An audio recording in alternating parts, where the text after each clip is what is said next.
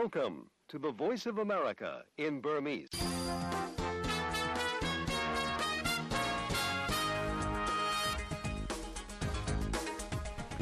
မင်္ဂလာမနက်ခင်းပါရှင်။ VOA American တန်ရဲ့2024ခုနှစ်ဖေဖော်ဝါရီလ23ရက်နေ့အင်္ဂါနေ့မနက်ခင်းစီစဉ်တွေကိုမြန်မာစံတော်ချိန်မနေ့6နိုင်ကနေ9နိုင်ထိ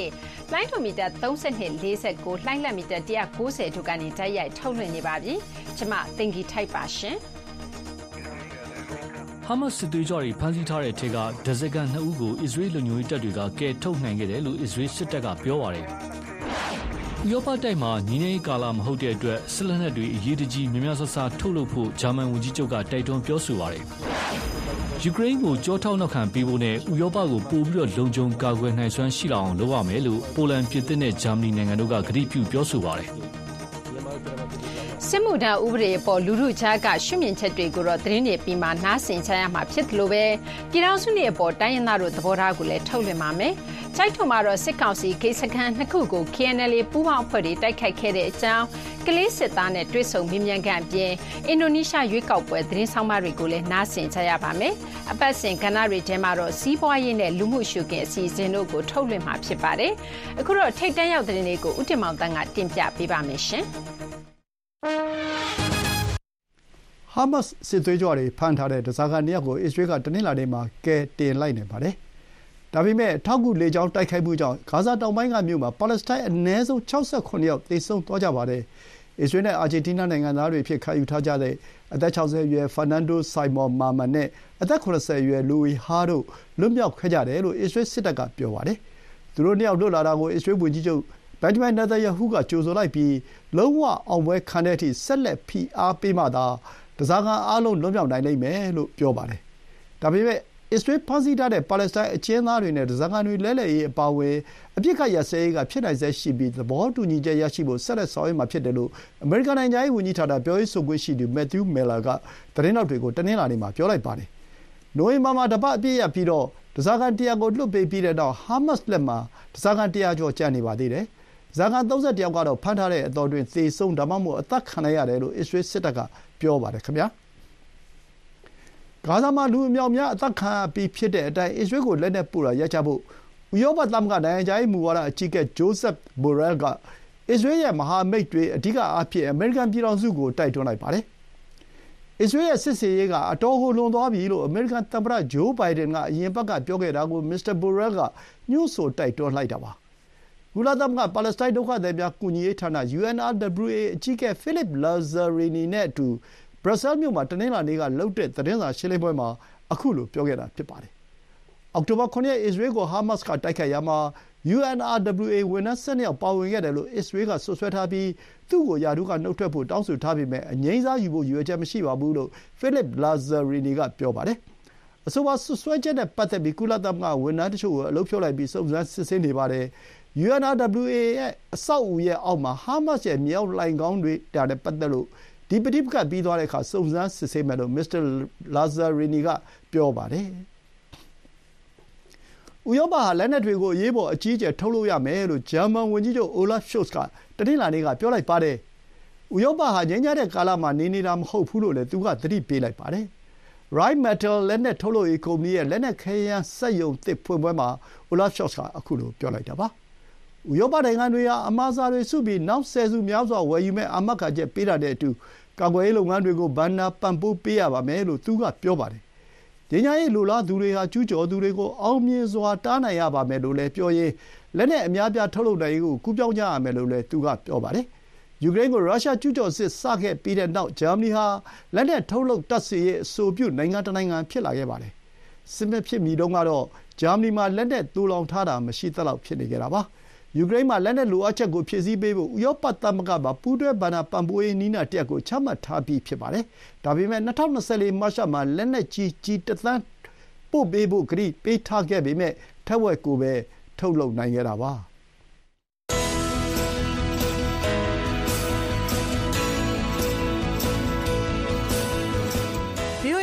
ကန်တန်မနက်ဖြန်မြန်မာဘာသာအစီအစဉ်တွေကိုမနက်6နာရီကနေ9နာရီထိလိုင်းဒိုမီတာ32 kHz 9335နဲ့9383ညလိုင်းဒိုမီတာ49 kHz 6153ညပထမနာရီဝက်မှာလှိုင်းလက်မီတာ190 kHz 1505တို့ကနေပြီးထုတ်လွှင့်ပေးနေပါတယ်ရှင်။အင်္ဂါနေ့မနေ့သတင်းတွေကို VOA ရုပ်သံကနေဆက်လက်ထုတ်လွှင့်နေပါတယ်။ထိုင်းနိုင်ငံရေးဝန်ကြီး ပရမ်ပရီဘဟိဒနုကာရဟာ အမေရိကန်နိုင်ငံရေးဝန်ကြီးအန်တိုနီဘလင်ကန်နဲ့ တနင်္လာနေ့ အမေရိကန်စံတော်ချိန် ညနေပိုင်းမှာ တွေ့ဆုံနေပြီး မြန်မာနိုင်ငံအရေးကိစ္စဟာ ဦးစားပေးဆွေးနွေးမယ့် အကြောင်းအရာတစ်ခုဖြစ်မယ်လို့ပြောနေထားကြပါတယ်။မြန်မာနဲ့ နယ်ချင်းဆက်နေတဲ့ ထိုင်းနိုင်ငံတိုက်ခိုက်အတွင်းမှာ မြန်မာဒုက္ခသည်တွေအတွက် လူသားချင်းစာနာကူညီမှုလုပ်ငန်းတွေကို ဒီတလအတွင်း စတင်မယ်လို့ ထိုင်း ဒုတိယဝန်ကြီးချုပ်လည်းဖြစ် နိုင်ငံခြားရေးဝန်ကြီးလည်းဖြစ်သူပရမ်ပရီကပြီးခဲ့တဲ့သတင်းပတ်ကပဲ ပြောခဲ့ပါတယ်။ နိုင်ငံကြက်ချင်ဒီအသင်းတွေနဲ့ ပူးပေါင်းဆောင်ရွက်မှုနဲ့ စစ်ရေးပဋိပက္ခကြောင့် အိုးမဲ့အိမ်မက်ဖြစ်နေရတဲ့ စစ်ပြေးဒုက္ခသည်တွေကို အစအစနဲ့စေဝါထောက်ပံ့ကူညီဖို့ ကနဦး စီစဉ်တာလို့ သိရပါတယ်။ဒါကြောင့် အခု ညနေပိုင်း အမေရိကန် နိုင်ငံရေးဝန်ကြီးနဲ့ တွေ့ဆုံတဲ့အခါအခုလို လူသားချင်းစာနာမှု အကူအညီပေးရေးကိစ္စရပ်အပြင် မြန်မာနိုင်ငံအတွင်း ပဋိပက္ခတွေပေါ် နှစ်ဖက်အမြင် ဆွေးနွေးမယ်လို့ ယူဆရပါတယ်။အမေရိကန်ပြည်ထောင်စုကိုနှစ်ရက်ကြာ တရားဝင်ခရီးစဉ်ရောက်ရှိလာတဲ့ ထိုင်းနိုင်ငံရေးဝန်ကြီးဟာ ဒီခရီးစဉ်အတွင်း အမေရိကန် ကုန်သွယ်ရေးဝန်ကြီး သမ္မတရဲ့စွမ်းအင်နဲ့ရင်းနှီးမြှုပ်နှံမှုဆိုင်ရာအကြီးသားအကြံပေးပုဂ္ဂိုလ်တို့အပြင်အာရှဒေသတွင်းနဲ့နိုင်ငံခြားရေးမူဝါဒဆိုင်ရာမှာစိတ်ဝင်တစားရှိကြတဲ့အမေရိကန်လွှတ်တော်အမတ်တွေကိုလည်းတွေ့ဆုံဖို့ရှိတယ်လို့ထိုင်း PBS သတင်းမှာဖော်ပြထားပါတယ်။ယူကရိန်းကိုကျောထောက်နောက်ခံပေးဖို့ဥရောပကိုပိုပြီးလုံခြုံကာကွယ်နိုင်စွမ်းရှိလာအောင်လုပ်ကြရမယ်လို့ပိုလန်၊ပြင်သစ်နဲ့ဂျာမနီတို့ကကတိပြုလိုက်ကြပါတယ် အမေရိကန်သမ္မတဟောင်း ဒေါ်နယ်ထရမ့်သာ အာဏာပြန်ရခဲ့ရင် ဥရောပမှာ ရုရှားဩဇာချဲ့လာတာကို ခွင့်ပြုတော့လေမလားလို့ စိုးရိမ်လာကြတဲ့အတိုင်း အဆိုပါ သုံးနိုင်ငံ နိုင်ငံခြားရေးဝန်ကြီးတွေဟာ ပါရီမှာ တွေ့ဆုံဆွေးနွေး သဘောတူလိုက်ကြတာပါ။ပြင်သစ်သမ္မတ Emmanuel Macron နဲ့ ပါရီမှာ ဂျာမန်ဝန်ကြီးချုပ် Olaf Scholz နဲ့ ဘာလင်မှာ တနင်္လာနေ့က တွေ့ဆုံခဲ့တဲ့ ပိုလန်ဝန်ကြီးချုပ် Donald Tusk က ဥရောပသမဂ္ဂက ရုရှားထက် စစ်ရေးအရ ပိုအားနည်းနေရမယ့်အကြောင်း မရှိပါဘူးလို့ ပြောပါတယ်။ ဥရောပသမဂ္ဂဟာ သူ့အနေအထားအရ စစ်အင်အားကြီးတရပ် ဖြစ်လာဖို့လည်း တိုက်တွန်းလိုက်ပါတယ်။ကာကွယ်ရေး အသုံးစရိတ် လုံလောက်အောင် မသုံးစွဲတဲ့ နေတိုးအဖွဲ့ဝင် နိုင်ငံတနိုင်ငံကို ရုရှားက ကျူးကျော်နိုင်တဲ့သဘော ဒေါ်နယ်ထရမ့်က ပြောလိုက်ပြီးတဲ့နောက် ဥရောပမှာ သံတမန်ရေးအရ လှုပ်ရှားလာကြတာ ဖြစ်ပါတယ်။ပိုလန်ဝန်ကြီးချုပ်နဲ့ ဘာလင်မှာ သတင်းထောက်တွေကို တွေ့ဆုံရာမှာ ဂျာမန်ဝန်ကြီးချုပ် Olaf Scholz က ဥရောပ လုံခြုံရေးနဲ့ ဘယ်သူမှ မကစားနိုင်သလို အပေးအယူလည်း လုပ်လို့မရပါဘူးလို့ ပြောလိုက်ပါတယ်။ အစ္စရေး-ဟာမတ်စ်စစ်ပွဲမှာဓားစာခံသမီးနဲ့တွေ့လိုတဲ့ကင်ဆာဝေဒနာရှင်အမေရဲ့နောက်ဆုံးဆန္ဒဟာခုချိန်ထိလျစ်လျူပြုခံနေရဆဲဖြစ်ပါတယ်။အသက်၆၁နှစ်အရွယ် Lee Chong-hong ခေါ် Leora Agamani ဟာအဆင့်လေးဦးနှောက်ကင်ဆာရောဂါသည်တဦးဖြစ်ပြီးသူ့ရဲ့နောက်ဆုံးဆန္ဒကဟာမတ်စ်တွေရဲ့ဓားစာခံသမီး Noa Agamani ကို တွေ့လိုတာဖြစ်ပါတယ်။အသက်၂၆နှစ်အရွယ်တရုတ်ဂျူးကာပြတက္ကသိုလ်ကျောင်းသူ Noa ကိုအောက်တိုဘာ၇ရက်အစ္စရေးတောင်ပိုင်းကဂီတဖျော်ဖြေပွဲမှာဟာမတ်စ်တွေကဖမ်းဆီးသွားခဲ့တာဖြစ်ပါတယ် ဟာမတ်စ်စစ်သွေးကြွတွေက နိုအာပါတဲ့ ဗီဒီယိုနှစ်ခုကို ထုတ်ခဲ့ဖူးပြီး ပထမတခုမှာ တခြား အမျိုးသား ဓားစာခံနှစ်ဦးတို့နဲ့အတူ သူတို့လွတ်အောင်ဆောင်ရွက်ဖို့ အစ္စရေးအစိုးရကို ပြောခဲ့တာပါ။ဒုတိယ ဗီဒီယိုမှာတော့ တခြားနှစ်ဦး သေဆုံးသွားပေမယ့်သူ အသက်ရှင်နေသေးတဲ့အကြောင်း နိုအာကပြောပါတယ်။ဒီ ဗီဒီယိုတွေကို အစ္စရေးစစ်တပ်ကတော့ စိတ်ဓာတ်စစ်ဆင်ရေး ဖြစ်တယ်လို့ ဆိုပါတယ်။နိုအာအမေကလည်း သူ့ရောဂါကြောင့် သမီးကို နောက်ဆုံးအဖြစ် တွေ့လိုကြောင်း ဒီဇင်ဘာလတုန်းကဗီဒီယိုတခု ထုတ်ခဲ့ပြီး အမေရိကန်သမ္မတ အိမ်ဖြူတော် အပါအဝင် အစိုးရတွေဆီကို မေတ္တာရပ်ခံခဲ့ပေမယ့် အကြောင်းမထူးဖြစ်နေပါသေးတယ်ခင်ဗျာ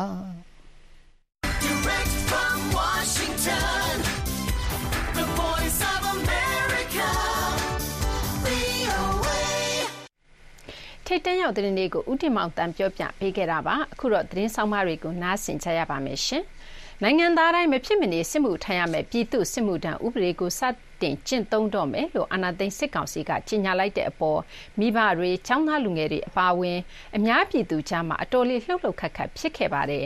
ဒီကြေညာချက်အပေါ်အများပြည်သူအတန်တွေကိုရန်ကုန်ကစူးစီးတင်ဆက်ထားတာကိုတော့ကိုသားညုံကပြောပြပေးပါမယ်ရှင်နိုင်ငံသားတိုင်းမဖြစ်မနေစစ်မှုထမ်းမဲ့ပြည်သူစစ်မှုထမ်းဥပဒေဟာဖေဖော်ဝါရီလ10ရက်နေ့ကစပြီးတော့အသက်ဝင်နေဆိုပြီးစစ်ကောင်စီဘက်ကနေပြီးတော့တရားဝင်ကြေညာထားတာပါနိုင်ငံသားတိုင်းစစ်မှုထားမဲ့အဲ့ဒီဥပဒေမှာ အမျိုးသားတွေကို အသက်18နှစ်ကနေပြီးတော့အသက်35နှစ်မပြည့်ခင်အထိ သတ်မှတ်ထားပြီးတော့အမျိုးသမီးတွေဆိုရင်တော့ အသက်18နှစ်ကနေပြီးတော့အသက်28နှစ်အထိ သတ်မှတ်ပါတယ်အသက်ပညာနဲ့ အသက်မွေးဝမ်းကြောင်းပြုတဲ့ ကျွမ်းကျင်သူတွေဖြစ်မယ်ဆိုရင်တော့ အမျိုးသားတွေဆိုရင် အသက်18နှစ်ကနေ45နှစ်အထိ သတ်မှတ်ပြီး အမျိုးသမီးတွေကိုတော့18နှစ်ကနေပြီးတော့35နှစ်အထိ သတ်မှတ်ထားပါတယ် ဒီဥပဒေနဲ့ပတ်သက်လို့ အများပြည်သူတွေရဲ့ အမြင်သဘောထားအချို့ကို ရန်ကုန်ကနေပြီးတော့စူးစီးကောက်ယူတင်ပြထားတာဖြစ်ပါတယ် ရှိပါတယ်ခင်ဗျ။ကျနော်တို့သားတွေရှိတဲ့အဖေတယောက်အနေနဲ့စိုးရိမ်မှုအများကြီးရှိပါတယ်။ဒီဥပဒေကကျွန်တော်တို့ဒီစစ်မှန်မှန်ကန်တဲ့အစိုးရတည်းအောက်မှာဆိုရင်ပြဿနာမရှိပေမဲ့အခုလိုအချိန်ကာလမှာဆိုရင်ကလေးတွေကိုလွှဲနေရတယ်မှာသုံးပါကိုကျွန်တော်စိုးရိမ်ပါတယ်။ဘာမှမသိဘဲနဲ့ရှင်းချောင်းကိုတက်လိုက်တာတော့ဒီခါလေးပြေခိုင်းတာနောက်ခေါ်ဒီမိုင်းတွင်းတွေဖြတ်ခိုင်းတာဒါကျွန်တော်တို့ကလေးတွေကဒါဘာပဲဖြစ်ဖြစ်ဘာမှမသိသေးတဲ့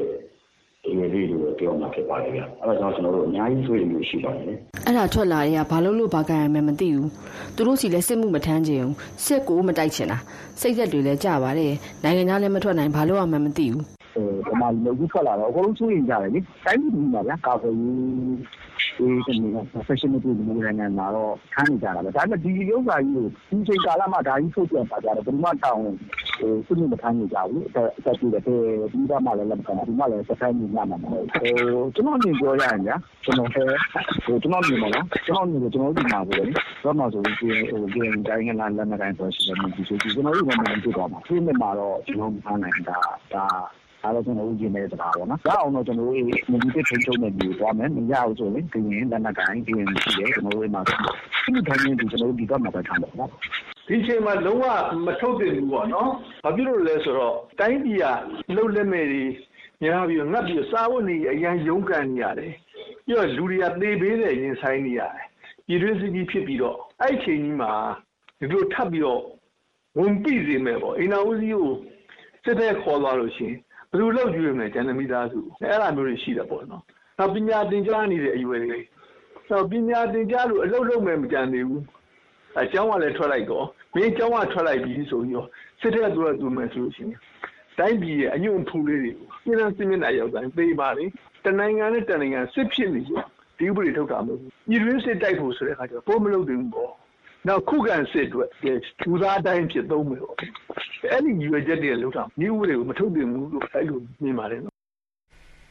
VOA မြန်မာပိုင်းစီစဉ်ရဲ့ရေဒီယိုရုပ်သံအစီအစဉ်တွေကို VOA မြန်မာပိုင်းစီစဉ်ရဲ့ website စာမျက်နှာ burmese.voanews.com မှာအတန်းလွှင့်ချိန်နဲ့တပြေးညီတိုက်ရိုက်ထုတ်လွှင့်ပေးနေတယ်လို့ပဲကျမတို့ရဲ့လူမှုကွန်ရက် Facebook နဲ့ YouTube စာမျက်နှာတို့ကနေလည်းတိုက်ရိုက်ထုတ်လွှင့်ပေးနေပါတယ်ရှင်။အခုတော့သတင်းဆောင်မတွေဆက်သွယ်မေးမြန်းခံတွေကိုဆက်ပြီးတော့ထုတ်လွှင့်ပါမယ်။ ဖေဖော်ဝါရီလ12ရက်နေ့ကိုပြည်ထောင်စုနေ့အဖြစ်သတ်မှတ်ခဲ့တာ89နှစ်မြောက်ရှိလာခဲ့ပါပြီ။လက်ရှိဆီယနာတင်ထားတဲ့မြန်မာနိုင်ငံမှာဖက်ဒရယ်ပြည်ထောင်စုပေါ်ပေါက်ရေးမျှော်လင့်ချက်တွေဘယ်လိုရှိနေပါသလဲ။တိုင်းရင်းသားအဖွဲ့တွေရေးဆွဲနေတဲ့ရှစ်ပြည်နယ်အခြေခံဖွဲ့စည်းပုံမူကြမ်းအပေါ်ဘယ်လိုသဘောထားတွေရှိပါလဲ။တခါတိုင်းရင်းသားလက်နက်ကိုင်အဖွဲ့တွေရဲ့နယ်မြေသိမ်းပိုင်နေတဲ့စစ်စင်ရေးတွေဟာဖက်ဒရယ်ပြည်ထောင်စုတည်ဆောက်ဖို့အထောက်အကူဖြစ်စေပါသလား။အမေရိကန်ပြည်ထောင်စုမှာရှိတဲ့တိုင်းရင်းသားခေါင်းဆောင်တချို့ရဲ့ ဖက်ဒရယ်ပြည်ထောင်စုပေါ်ပေါက်ရေးမျှော်မှန်းချက်တွေကိုမအင်ဂျင်နိုင်ကစူးစီးတင်ပြထားပါတယ်ရှင်။ 1948 ခုနှစ် ဖေဖော်ဝါရီလ12ရက်နေ့ ရှမ်းပြည်နယ် ပင်လုံမှာ အနာဂတ်ပြည်ထောင်စု မြန်မာနိုင်ငံတည်ဆောက်ဖို့ ဗိုလ်ချုပ်အောင်ဆန်းဦးဆောင်တဲ့ မြန်မာလွတ်လပ်ရေးခေါင်းဆောင်တွေနဲ့ တိုင်းသားခေါင်းဆောင်တွေ စာချုပ်ချုပ်ဆို လက်မှတ်ရေးထိုးခဲ့ကြတာပါ ဒီလို ပင်လုံစာချုပ်ကနေ ဖက်ဒရယ်ပြည်ထောင်စုဆိုတဲ့ သဘောတူညီချက်ရခဲ့တာနဲ့ပတ်သက်လို့ ဝါရှင်တန် DC အခြေစိုက် ချင်းအဖွဲ့အစည်း မယ်ရီလန်းအမှုဆောင်ညွှန်ကြားရေးမှူး ဇိုတုံမှုက VOA ကို အခုလို ပြောပါတယ် ပြည်ထောင်စုဆိုတဲ့ဟာကဘေကနေပေါက်ဖွာလာတယ်ဒီဟာကပင်လုံးစာချုပ်ကနေပဲပေါ်ပေါက်လာတယ်ဒါပြည်ထောင်စုနေဆိုတာဟာပင်လုံးစာချုပ်ပေါ်မှာအခြေခံတယ်ဒါအဲ့လိုပဲကျွန်တော်တို့တော့ခံယူတယ်ဒါပင်လုံးစာချုပ်ဆိုတာအဓိပ္ပာယ်ဖွင့်ဆိုချက်ဘလို့လဲအတူတကွစုပေါင်းနေထိုင်ခြင်းကချင်ချင်းရှမ်းကျွန်တော်ဘာမှအားလုံးအတူတကွ လွတ်လပ်ရေးအတွက်တိုက်ပွဲဝင်ရအောင်လွတ်လပ်ရေးရတဲ့ခါကျရင်ကျွန်တော်တို့အတူတကွနေထိုင်ရအောင်အဲ့လိုပဲကျွန်တော်တို့ကတော့ဟိုမှယူပါတယ်ဗမာပြည်နယ်အပါအဝင်ဖြစ်တဲ့ရှစ်ပြည်နယ်မူကိုအခြေခံတဲ့ဖွဲ့စည်းပုံအခြေခံဥပဒေမူကြမ်းတရက်ကိုနိုင်ငံရေးပါတီ12ပါတီကမနေ့ကထုတ်ပြန်လိုက်တဲ့အခြေအနေနဲ့ပတ်သက်လို့နိုင်ငံရေးအရာအားလုံးပါဝင်ညှိနှိုင်းတာမျိုးမရှိနေဘူးလို့မြင်ကြောင်းဇွန်တုံမှုကပြောပါတယ်။ အာရှိပြင်းနေဆိုတာဟာကျွန်တော်နားလေတလောက်ကတော့ဒီတောင်ကြီးငီလာခံအခြေခံလိမ့်မယ်လို့ကျွန်တော်ထင်တယ်။ဘာဖြစ်လို့လဲဆိုတော့ကျွန်တော်လည်းအဲ့ဒီတိုင်းသားကြီးရာလူတိုင်းသားကြီး Ethnic Nationality Affairs Center မှာချမ်းမိုင်မှာကျွန်တော်လည်းလုပ်ခဲ့တော့ကဒီ Constitution ကိုကျွန်တော်တော်တော်လေးလေးလာပြီးတော့တုံးတက်လာခဲ့တယ်အာအခုကြတော့ကျွန်တော်ဘယ်လိုဆက်သွားမလဲဆိုတာကတော့ ဒါကျွန်တော်တို့နိုင်ငံရေးအရဟင်ဟိုင်းဖို့တော့လိုလိမ့်မယ်ကယ်လီဖိုးနီးယားပြည်နယ်အခြေစိုက်ရှမ်းတိုင်းသားများအဖွဲ့ဥက္ကဋ္ဌဒေါက်တာဆိုင်းထွေးမောင်ရဲ့သဘောထားအမြင်ကိုလည်းကြည့်ရအောင်ပါ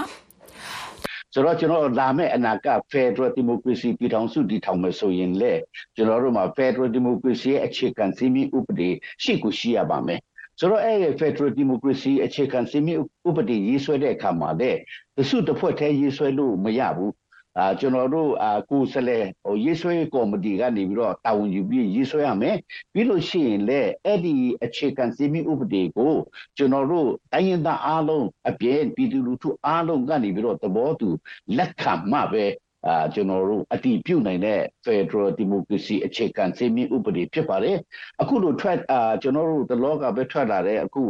PLCF ကထုတ်လာတဲ့အခုအာသူတို့ရဲ့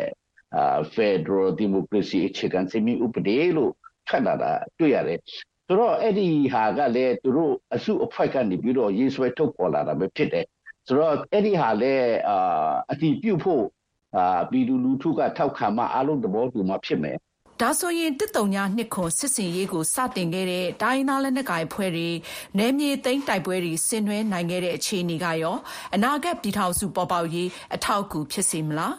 ဒေါက်တာဆိုင်းထွေးမောင်ရဲ့အမြင်ကတော့သူတို့အနေနဲ့သူတို့လည်းလွတ်လပ်မှုသူတို့ရအောင်ယူနေတာအခုဆိုလို့ရှိရင်ဥမာအဲရခိုင်ဘက်ကလည်းသူတို့ confederation ပုံစံသွားမယ်သူတို့ဟာသူတို့သူတို့နိုင်ငံသူတို့ဒီထောင်မယ်သူတို့ပြီးထောင်သူတို့ဒီထောင်မယ်ပြီးမှသူတို့ပါဝင်ခြင်းလဲပါဝင်မယ်မပါဝင်ခြင်းမပါဝင်ဘူးအဲ့ဒါသူတို့ရဲ့ဆုံးဖြတ်ချက်သူတို့ဟာသူတို့သွားပါလိမ့်မယ်ဆိုတော့ကျွန်တော်မြင်တာကအခုကအဲတိုင်းရင်းသားလက်နဲ့ကင်တော့ကင်အားလုံးက ကိုယ့်ပြည်နယ်ကိုလွတ်လပ်အောင်လုပ်နေကြတာများတယ်ဟိုမှာကရင်နေဆိုတော့ကရင်နေလွတ်လပ်အောင်လုပ်နေတာပဲဆိုတော့သူတို့လည်းသူတို့ပြည်နယ်ကိုသူတို့လွတ်လပ်အောင်လုပ်ပြီးမှနောက်မှအဲဒီ Federal ပုံစံသွားမလား Confederation ပုံစံသွားမလားသူတို့ပြန်ဆွေးနွေးကြလိမ့်မလို့အဲ့လိုကျွန်တော်အဲ့လိုမြင်တယ်ခင်ဗျာအမေရိကန်ပြည်ထောင်စုမှာမဟာဘွဲ့လွန်ပညာသင်ကြားနေတဲ့ရခိုင်ပြည်နယ်က မရမာကြီးလူမျိုးစုဖြစ်တဲ့ကိုအောင်ဆန်းဝင်းကတော့လူငယ်မျိုးဆက်တအုပ်အနေနဲ့အနာဂတ်ဖက်ဒရယ်ပြည်ထောင်စုပေါ်ပေါက်ရေးမျှော်မှန်းချက်ကိုအခုလိုပြောပါတယ်။ဆိုအခုအာနာသိမ့်ပြီးနောက်ပိုင်းမှာတော့ကျွန်တော် silver lining လို့ပြောရမလားဒီအကောင့်ထဲကအဆိုးလို့ပြောမလားမျောလင့်ချက်တွေနည်းနည်းပေါ်လာတယ်။ဘာကြောင့်လဲဆိုတော့တခေတ်တခါတုန်းကကျွန်တော် federal ဆိုတဲ့စကားလုံးသုံးလိုက်ရင်တောင်မှဟိုဟာပေါ်ဒီခွေထွေးရေးကိုလိုလားတဲ့သူတွေ စသဖြင့်ဟိုအမြင်အမျိုးမျိုးတွေကျွန်တော်တို့မြင်ခဲ့ရတယ်ပေါ့လေဆိုတော့အခုနောက်ပိုင်းမှာကျွန်တော်တို့ဒီအထူးသဖြင့်ပြည်မကအင်အားစုတွေရောတတိုင်းတပြည်လုံးကဒီလောက်ဟို unite ဖြစ်တဲ့ဒီလောက်ဟိုအစေးလုံးညီညွတ်တဲ့ဟိုအသံမျိုးကိုကျွန်တော်တို့တခါမှမကြောက်ဘူးပေါ့လေဆိုတော့ဒီကနေစပြီးတော့ကျွန်တော်တို့ဟိုဟာမျိုးလင်းချက်ရောင်ကြီးတွေတန်းလာတယ်လို့ကျွန်တော်ကျွန်တော်မြင်တယ်ပေါ့ဒီဒီလူမျိုးစုအရေးကိုတောက်လျှောက်လှုပ်လာတဲ့သူတယောက်အနေနဲ့လူတိုင်းကတော့ဟို လူမျိုးစုတိုင်းကတော့သူတို့ရဲ့ဟိုနိုင်ငံရေးစံတာကိုသူတို့လွတ်လွတ်လပ်လပ်ဟိုထုတ်ပေါ်ပိုင်ခွင့်ရှိတယ်လွတ်လွတ်လပ်လပ်တောင်းဆိုပိုင်ခွင့်ရှိတဲ့တယ်လို့ကျွန်တော်မြင်တယ်လေဆိုတကယ်လို့ဒါရခိုင်ပြည်သူတရက်လုံးကဒီ Federal Confederation ကိုတော့တွားကျင်တယ်သို့မဟုတ်ရင်ဒီလွတ်လပ်သောရခိုင်နိုင်ငံတို့ကိုတွားကျင်တယ်ဆိုရင်အဲ့ဒီပြည်သူစံတာဒီအခရာကြတယ်လို့ကျွန်တော်မြင်တယ် မွန်ပြည်နယ် ကျိုက်ထုံမြို့နယ်ထဲမှာရှိတဲ့ စစ်ကောင်စီတပ်ရဲ့ ဂိတ်စခန်းနှစ်ခုကို ဖေဖော်ဝါရီလ ၁၁ ရက်နေ့က ကရင်အမျိုးသား လွတ်မြောက်ရေးတပ်နဲ့အတူ ဒေသခံ ပြည်သူ့ကာကွယ်ရေးတပ်ဖွဲ့ ၇ ဖွဲ့ပေါင်းပြီး တိုက်ခိုက်ခဲ့ပါတယ်။အလားတူ ကရင်ပြည်နယ် ကော့ကရိတ်မြို့နယ်ထဲမှာလည်း တိုက်ပွဲတွေ ပြင်းထန်နေပါတယ်။ဗွီအိုအေသတင်းထောက် မအေးအေးမာ သတင်းပေးပို့ထားပါတယ်။မွန်ပြည်နယ် ကျိုက်ထုံမြို့နယ်ထဲမှာရှိတဲ့ စစ်ကောင်စီတပ်ရဲ့ ဂိတ်စခန်းနှစ်ခုဖြစ်တဲ့ စစ်တောင်းတံတားဂိတ်နဲ့ မုပ္ပလင်လမ်းဆုံ ရဲဂိတ်ကို ဒေသခံပြည်သူ့ကာကွယ်ရေးတပ်ဖွဲ့တွေကကရင်အမျိုးသားလွတ်မြောက်ရေးတပ်ဖွဲ့တွေနဲ့ပူးပေါင်းကာဖေဖော်ဝါရီလ၁၁ရက်နေ့က၃ကြိမ်တိုက်ခိုက်ခဲ့တာဆိုပြီးဒေသခံတဦးကပြောပါတယ်။စစ်တပ်မလားဖြစ်ခဲ့ပေါ့နော်။စစ်တပ်မလားကဒီနေ့အောင်ဖြစ်နေမှာ။စစ်တပ်မလားဒီကိစ္စကလည်းဒီနေ့ဒီနေ့ဆိုရင်ရှိနေတာဖြစ်နေမှာ။စကန်စကန်နဲ့ခုတော့နေတိုက်တာနော်။စစ်တောင်းတရားဂိတ်နဲ့မုတ်ပလင်လမ်းဆောင်ဂိတ်ကို ပူးပေါင်းတပ်ဖွဲ့တွေဘက်က ဒရုန်းတွေနဲ့တွားရောက်ပစ်ချခဲ့တာဖြစ်ပြီး စစ်တပ်ဘက်ကလည်း လက်နက်ကြီးတွေနဲ့ ပြန်လည်ပစ်ခတ်ခဲ့ပါတယ်။ဒီစစ်ဆင်ရေးကို အဖွဲ့ပေါင်း9ဖွဲ့က ပူးပေါင်းလုပ်တာလို့လည်း ဒေသခံက ဆက်ပြောပြပါတယ်။အော်ဒီနေ့ဒီနေ့မျိုးသားနေဒီအ IES ပါမယ်ပြီးရင်ကဝါပကဖာပါမယ်ဒီမကောပကဖာပါရင် အမင်းလုံးလုံးဆိုင်ချင်းပကဖာပါရင်ပြီးရင်စိုက်ထူတော့လည်းညာသူကြီးအပ်ပါရင်စိုက်ထူပကဖာပါလည်းမှာအလားတူကော့ကရိတ်မြို့နယ်ထဲမှာတိုက်ပွဲတွေပြင်းထန်နေတဲ့အတွက်မြို့နယ်လူလူဟာစစ်ဘေးရှောင်နေရပြီးကော့ကရိတ်မြို့နယ်ထဲမှာတော့ဒေသခံတွေမရှိကြဘူးလို့လည်းပြည်သူ့ကာကွယ်ရေးတပ်ဖွဲ့ကခေါင်းဆောင်တဦးကပြောပါတယ်။ ကော့ကရိတ်မှာတိုက်ပွဲတွေဆက်လက်ပြင်းထန်နေတာပေါ့။ဒီဟာတချို့ကော့ကရိတ်မှာတော့တရားမှမရှိတော့ဘူး။ကော့ကရိတ်မြို့နယ်အတွင်းမှာတော့စစ်ကောင်စီတပ်တွေနဲ့ကရင်မျိုးသားလွတ်မြောက်ရေးတပ်မတော် KNL တပ်တွေပူးပေါင်းတပ်ဖွဲ့တွေတိုက်ပွဲဆက်လက်ဖြစ်ပွားနေပြီးဒရုန်းဘုံသီးနဲ့လက်နက်ကြီးတွေကြောင့်ဒေသခံတွေရဲ့နေအိမ်တွေမီးလောင်ပျက်စီးခဲ့ရတယ်ဆိုပြီးဒေသခံတွေကပြောပါတယ်အခုဆိုရင်ကော့ကရိတ်မြို့နယ်အတွင်းကတောင်ပေါ်ကျောင်းနဲ့မြို့မြောက်ပိုင်းမှာတော့စစ်တပ်ရဲ့စစ်ဆေးဂိတ်ရှိပြီးအဲ့ဒီနေရာမှာလည်းတိုက်ပွဲတွေပြင်းထန်နေပါတယ် ကော့ကရိတ်မြို့ကလူနေအိမ်တွေလည်းလက်နက်ကြီးတွေကြားရောက်ပေါက်ကွဲတာကြောင့်ဒီလောင်ပျက်စီးတာတွေရှိနေတယ်လို့လည်းဒေသခံတွေကပြောဆိုခဲ့ပါတယ်ရှင်အခုတော့အင်ဒိုနီးရှားရွေးကောက်ပွဲဆိုင်ရာသတင်းဆောင်မတစ်ပုဒ်ကိုတင်ပြပေးလိုပါတယ်။2024ခုနှစ်အတွင်းကမ္ဘာပေါ်ကနိုင်ငံ90လောက်မှာရွေးကောက်ပွဲတွေကျင်းပဖို့စီစဉ်ထားပါတယ်။ ဒါပေမဲ့လည်းဘယ်နိုင်ငံမှအင်ဒိုနီးရှားနိုင်ငံလောက်တရက်ထဲလူတွေထွက်ပြီးတော့မဲပေးကြမှာတော့မဟုတ်ပါဘူး။လက်ရှိသမ္မတဂျိုကိုဝီဒိုဒိုဟာနောက်တစ်ချိန်ရွေးကောက်ပွဲဝင်ခွင့်မရှိတော့တဲ့အတွက်အင်ဒိုနီးရှားပြည်သူတွေအနေနဲ့သူ့ကိုအစားထိုးဖို့ကိုယ်စားလှယ်လောင်း၃ယောက်ထဲကတယောက်ကိုဗုဒ္ဓဟူးနေ့မှာရွေးချယ်ရပါတော့မယ်။အာဒီယန်ဥတမာအင်ဒိုနီးရှားကနေသတင်းပေးပို့လာတာကိုတော့ကိုသိန်းထိုင်ဦးကပြောပြပေးပါမယ်ရှင်။ Kehadiran ratusan ribu orang ကမ္ဘာစတုထလူကြီးအများဆုံးနိုင်ငံအင်ဒိုနီးရှားဟာဖေဖော်ဝါရီလ14ရက်သမ္မတရွေးကောက်ပွဲအတွက်ဆိုင်းပြနေပါပြီ။သမ္မတလောင်းဖြစ်ရှင်ပြိုင်မဲ့သူ3ဦးရှိပါတယ်။ပထမတစ်ယောက်အသက်54နှစ်အရွယ်အန်နီဗက်စဝါဒန်ကကွန်ဆာဗေးတစ်မွတ်စလင်တယောက်ပါ။ဂျကာတာမြို့တော်အုပ်ချုပ်ရေးမှူးအဖြစ်ရွေးခံရပြီးတဲ့နောက်အစ္စလာမစ်ကွန်ဆာဗေးတစ်တွေရဲ့ထောက်ခံမှုနဲ့လူသိများထင်ရှားလာသူဖြစ်ပါတယ်။အသက်82နှစ်အရွယ်ပရာဘိုဆာဗီယန်တိုကတော့ဗိုလ်ချုပ်ကြီးအောင်တူဖြစ်သလို အရင်ကတိုင်းပြည်ကိုအဓိကဥဆောင်ခဲ့တဲ့သမ္မတဟောင်းဆူဟာတိုရဲ့သမက်ပါ။ဒီဒီချိန်တတိယချိန်ရွေးကောက်ပွဲဝင်တာပါ။ဂျိုကိုဝီလိုလူသိများတဲ့လက်ရှိသမ္မတဂျိုကိုဝီဒိုတိုကသူ့ကိုထောက်ခံထားပါတယ်။ပရာဘိုဆာဗီယန်တို့အနိုင်ရမယ်ဆိုရင်လက်ရှိသမ္မတဂျိုကိုဝီဒိုတိုရဲ့သားဂီဘရန်ရဂဘန်မီရဂါကဒုတိယသမ္မတနေရာအတွက်ကိုဆိုပြုထားပါတယ်တတိယကိုယ်စားလှယ်လောင်းကတော့အသက်55နှစ်အရွယ်ဂျာဘာလေအုပ်ချုပ်ရေးမှူးအောင်ကန်ဂျာဘရိုနိုပါ တိုးတက်တဲ့အမြင်တွေကိုလက်ခံသူသမ္မတဂျိုကိုဝီဒိုတိုလိုပဲတာမန်ရသားသူဖြစ်ပြီးလက်ရှိအာဏာရအင်ဒိုနီးရှားဒီမိုကရက်တစ်ရုံးကန်လှုပ်ရှားမှုပါတီအဖွဲ့ဝင်တယောက်ပါဝါရှင်တန်ခြေစိုက်မဟာဗျူဟာနဲ့နိုင်ငံတကာလေးလာရေးအဖွဲ့ကအန်ဒရီဂါနဒလီဂါဝါကအခုလိုသုံးသပ်ပါတယ် Prabowo Subianto the current defense minister and Ganjar Pranowo ပရာဘိုဝိုဆူဘီယန်တိုကလက်ရှိကာကွယ်ရေးဝန်ကြီးပါဂန်ဂျာပရာနိုဝိုကအလဲဂျာဗာပြည်နယ်အုပ်ချုပ်ရေးမှူးပါဒီတော့ဒီကိုယ်စားလှယ်လောင်းနှစ်ယောက်ကလက်ရှိသမ္မတဂျိုကိုဝီဒိုဒိုရဲ့အုပ်ချုပ်ရေးကနေဘာရီဆက်အကောင့်ထဲပေါ်ပေးမလဲဆိုတဲ့အခြေခံမူပေါင်းအောက်မှာချင်းကပ်ကြမှာပါဂျာကာတာအုပ်ချုပ်ရေးမှူးဟောင်းအန်နီဘာဆွမ်ဒန်ရဲ့မဲဆွယ်လှုပ်ရှားစည်းရုံးမှုတွေကသူတို့နှစ်ယောက်နဲ့နည်းနည်းကွဲပါတယ်ပြောင်းလဲဖို့ကိုအဓိကအာယုံစိုက်ပြောနေတာပါသမ္မတအသစ်ကိုရွေးချယ်ဖို့မဲပေးမဲ့ မှတ်ပုံတင်ထားတဲ့အင်ဒိုနီးရှားမဲဆန္ဒရှင်204တန်းရှိပါတယ်။အဲ့ဒီအထက်က55ရာခိုင်နှုန်းဟာအသက်40အောက်တွေဖြစ်ပါတယ်။အလောက်အကိုင်းနဲ့စီးပွားရေးကလူတွေရဲ့အဓိကစိုးရင်ကျဲလို့မဲဆန္ဒရှင်တယောက်ကပြောပါတယ်။ saya mengharapkan dibukanya ကျွန်တော်ကတော့လူငယ်တွေအတွက်အလောက်ကန်ခွင့်လန်းတွေပို့ပြီးတော့လိုချင်ပါတယ်အထူးသဖြင့်ဘွဲရပြီးကစားကျွန်တော်လိုလူငယ်တွေအတွက်ပါမဲဆန္ဒရှင်မျိုးသမီးတယောက်ဖြစ်တဲ့ဒွေနာအော်ဂက်စတီနာကလည်းအခုလိုပြောပါတယ် and kondisi ekonomi ya uh, ကျမတို့တော့အရေးကြီးဆုံးကစီးပွားရေးအခြေအနေပါအခြေခံစားကုန်လိုအပ်ချက်တွေကိုယ်တွေလက်လန်းမီမီဝယ်နိုင်မှုပါဒါမှဘဝမှာပိုပြီးအဆင်ပြေပြေနေနိုင်မှာပါနိုင်ငံခြားရေးမူဝါဒမှာတော့ကိုယ်စားလှယ်၃ယောက်တယောက်နဲ့တယောက်မတူကြပါဘူးတောင်တရုတ်ပင်လယ်ရေပိုင်နဲ့ညင်းပွားမှုတွေရှိနေပေမဲ့ဖရနိုဗိုကတရုတ်နိုင်ငံနဲ့ယာယီသဘောတူညီချက်ရယူခြင်းမှာတဲ့အင်ဒိုနီးရှားရဲ့ရေတပ်အင်အားနဲ့ကင်းလည်တာတွေမှာပို့ပြီးတော့စွမ်းရည်မြင့်တင်လိုတယ်လို့ပြောပါတယ်။ဖရာဝိုဘိုဆိုဗီယန်တိုကလည်းအလားတူပါပဲ တောင်တရုတ်ပင်လယ်ညင်းပွားမှုကိုအကြောင်းပြုပြီးတော့အင်ဒိုနီးရှားရဲ့ကာကွယ်ရေးအင်အားပုံမှုခိုင်မာအောင်တည်ဆောက်ဖို့လိုတယ်လို့ပြောနေပါတယ်။ဂျိုရုဆက်သွယ်ရေးစနစ်တွေပို့ပြီးတော့တက်ဆင်ဖို့ပါ။ Arnis Baswandias ကတော့အငင်းပွားမှုတွေမှာအာဆီယံရဲ့အခမ်းအနားပိုပြီးပါဝင်ဖို့လိုတယ်လို့ပြောနေပါတယ်။စင်နာဂီမူဝါဒရေးရာဌာနကသူတေသီဒိုင်နာဝေစနူကအခုလိုမြင်ပါတယ် None of the candidate was very uh, direct ဘယ်ကိုယ်စားလှယ်လောင်းကမှတရုတ်နဲ့အကြီးအကျယ်ထိတ်တိုက်ရင်ဆိုင်မှုဆန္ဒမရှိပါဘူး။အခြေခံကတော့အင်ဒိုနီးရှားဟာတရုတ်နိုင်ငံနဲ့ဆက်ဆံရေးကောင်းအောင်ဆက်ပြီးတော့တည်ဆောက်မယ်ဆိုတာပါပဲ။သမထရွေးကောက်ပွဲမှာနိုင်ရဖို့ဆိုရင်ကိုယ်စားလှယ်လောင်းတယောက်အနေနဲ့အ ਨੇ ဆုံးမဲအားလုံးရဲ့90ရာခိုင်နှုန်းနဲ့တမဲကျော်ဖို့လိုပါတယ်။တယောက်မှ90ရာခိုင်နှုန်းမကျော်ဘူးဆိုရင်တော့မဲအများဆုံးရတဲ့ကိုယ်စားလှယ်လောင်းနှစ်ယောက်ကို တကြောပြန်သမထရွေးကောက်ပွဲလာမယ့်ဂျွန်လမှာကျင်းပပါလိမ့်မယ်။စစ်တမ်းတော်တော်များများမှာတော့ဗိုလ်ချုပ်ကြီးအောင်ပရဘိုဘူကတခြားကိုယ်စားလှယ်လောင်းနှစ်ယောက်တည်းရှေ့ကပြေးနေပါတယ်။ဒါပေမဲ့လည်းမဲဆန္ဒရှင်တွေရဲ့90ရာခိုင်နှုန်းအထိတော့ထောက်ခံမှုမရသေးဘူးလို့စစ်တမ်းတွေကဖော်ပြပါတယ်။ဒါကြောင့်အင်ဒိုနီးရှားသမ္မတရွေးကောက်ပွဲဟာနောက်တစ်ကြိမ်ထပ်ကျင်းပရနိုင်ခြေရှိနေကြောင်းပါခင်ဗျာ။မသေးချာမြေယာမှုတွေအပြည့်အပြောင်းလဲတွေများတဲ့ကဘာကြီးမှာ ကျွန်တော်တို့ကြားသလိုမြင်သလိုဖြစ်မလာတဲ့အခါအမှန်တရားကိုရှာဖွေကြရပါတယ်။တည်င်းကိုတစ်ပိုင်းတစ်စပဲကြားသိလိုက်ရရင်ယုံကြည်မှုတွေကိုလက်လွတ်လိုက်ရတာတွေရှိပါတယ်။အကြက်တဲကာလတွေမှာကျွန်တော်ရဲ့အိမ်မက်တွေမျောလင့်ချက်တွေပိုကောင်းတဲ့မနှက်ဖန်တွေကိုတောင်းတမိတာတွေကတည်င်းလွတ်လပ်ခွင့်အပေါ်မှာမူတည်နေပါတယ်။ကျွန်တော်တို့ VOA က အန်ဒီရဲ့ဂျားကနေသတင်းတွေကိုတင်ဆက်ပေးနေပါတယ်။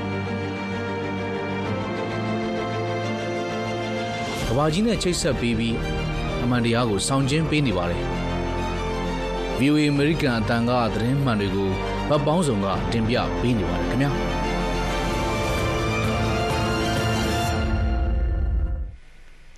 မင်္ဂလာမနေ့ခင်ပါရှင်။ VOA American အတန်ရဲ့2024ခုနှစ်ဖေဖော်ဝါရီလ23ရက်အင်္ဂါနေ့မနက်ခင်းအစီအစဉ်တွေကိုလိုင်းဒိုမီတာ30နဲ့49တို့ကနေဆက်ပြီးတော့ထုတ်လွှင့်ပေးနေပါတယ်။အခုဒုတိယပိုင်းအစီအစဉ်မှာတော့အပတ်စဉ်စီးပွားရေးလူမှုရှုခင်းစတဲ့အစီအစဉ်တွေကိုမကြခင်မှာနားဆင်ချရပါမယ်။အခုရင်ဆုံးတော့တွဲဆုံမိမြန်ခံတစ်ခုကိုတင်ဆက်ပါမယ်ရှင်။ စစ်တပ်အာဏာသိမ်းတာကို မကျေနပ်တဲ့အတွက် ဆန္ဒပြရာကနေ အဖမ်းခံရပြီး ကလေးစစ်သား စုဆောင်းတာခံခဲ့ရတဲ့ ရှမ်းပြည်တောင်ပိုင်း မိုင်းရှုနယ်သား မောင်ဆိုင်းအောင်ဟာ မကြာသေးခင်ကပဲ ထိုင်းနိုင်ငံဘက်ကို ထွက်ပြေးခိုလှုံလာသူပါ။သူဘလို့စစ်သားဘဝ ရောက်ခဲ့ရတယ်ဆိုတာကို ဒေါခင်မျိုးသက်က တွေးဆုံမေးမြန်းထားပါတယ်ရှင်။အခုလို VOA ကို လာပြီးတော့ ဖြေချပေးတဲ့အတွက် အများကြီးကျေးဇူးတင်ပါတယ်။ ပထမဆုံးနာမည်လေးကစပြီးတော့ပြောပြပေးပါနော်ကျွန်တော်နာမည်ကဆိုင်းအောင်ကိုဆိုင်းအောင်ဟုတ်ကဲ့ကိုဆိုင်းအောင်ဒီအသက်ဘယ်လောက်လောက်ရှိလဲတန်း20ပဲအသက်20နော်ဒီတက်ထဲကိုနော်ဘယ်အချိန်ကစပြီးဝင်လဲပြောပြပေးပါကျွန်တော်မန်ရှူကနေမန်ရှူကနေနဲ့ကျွန်တော်တို့တငယ်ချင်းပေါင်းတင်းနေဒီလမ်းခေါ်တောင်ကြီးကတောင်ကြီးမှာဟိုဟာဆန္ဒပြဖို့တော့အာနာစတိုင်းနေချင် ၄ရက်နေ့ကျတော့ကျွန်တော်တို့မီခိုပုံနဲ့ပြည့်တယ်ဟိုလက်နက်ငယ်နဲ့ပြေးကြတော့ပြီးတော့အကုန်လုံးလူစုကြီးကွဲရောပြေးကြတယ်လူစုကွဲပြေးကြတော့ကျွန်တော်တို့မိုင်းရှူကမိုင်းရှူသား12ယောက်ပဲကြံခဲ့အဲကိုနေမှာ12ယောက်ပဲကြံခဲ့ကျွန်တော်တို့တွေလည်း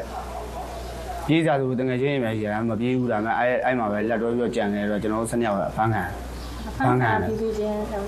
စစ်တပ်ထဲကိုဘယ်လိုရောက်သွားလဲအဲ့ဒါလေးပြောပြကျွန်တော်တို့ဖမ်းသွားပြီးတော့ရဲစခန်းကိုလည်းမပို့ဘူးကျွန်တော်တို့ဒီစစ်တပ်ထဲကိုပဲခေါ်သွားတယ် ခေါ်ရတော့ခါကျတော့အဲ့မှာကျွန်တော်တို့စစ်တပ်တွေဝင်ရမယ်ဆိုခါကျတော့ကျွန်တော်တို့ကမဝင်ဘူးလို့ပြောတယ်ဝင်ဘူးဆိုတော့ခါကျတော့ဟာဒီကောင်နေတဲ့စနေအောင်လုံးအတူထားနေတော့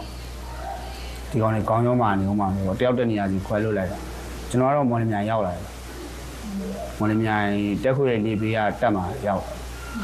စက်ခုံတော့ပဲရှိတယ်ဗျဟောသူတို့ကဒီပဲမှတ်ဖို့နေလောက်ပေးတာအဲ့တော့စက်ခုံနေဆိုအသက်မပြည့်ဘူးအသက်မပြည့်သေးဘူးဗျ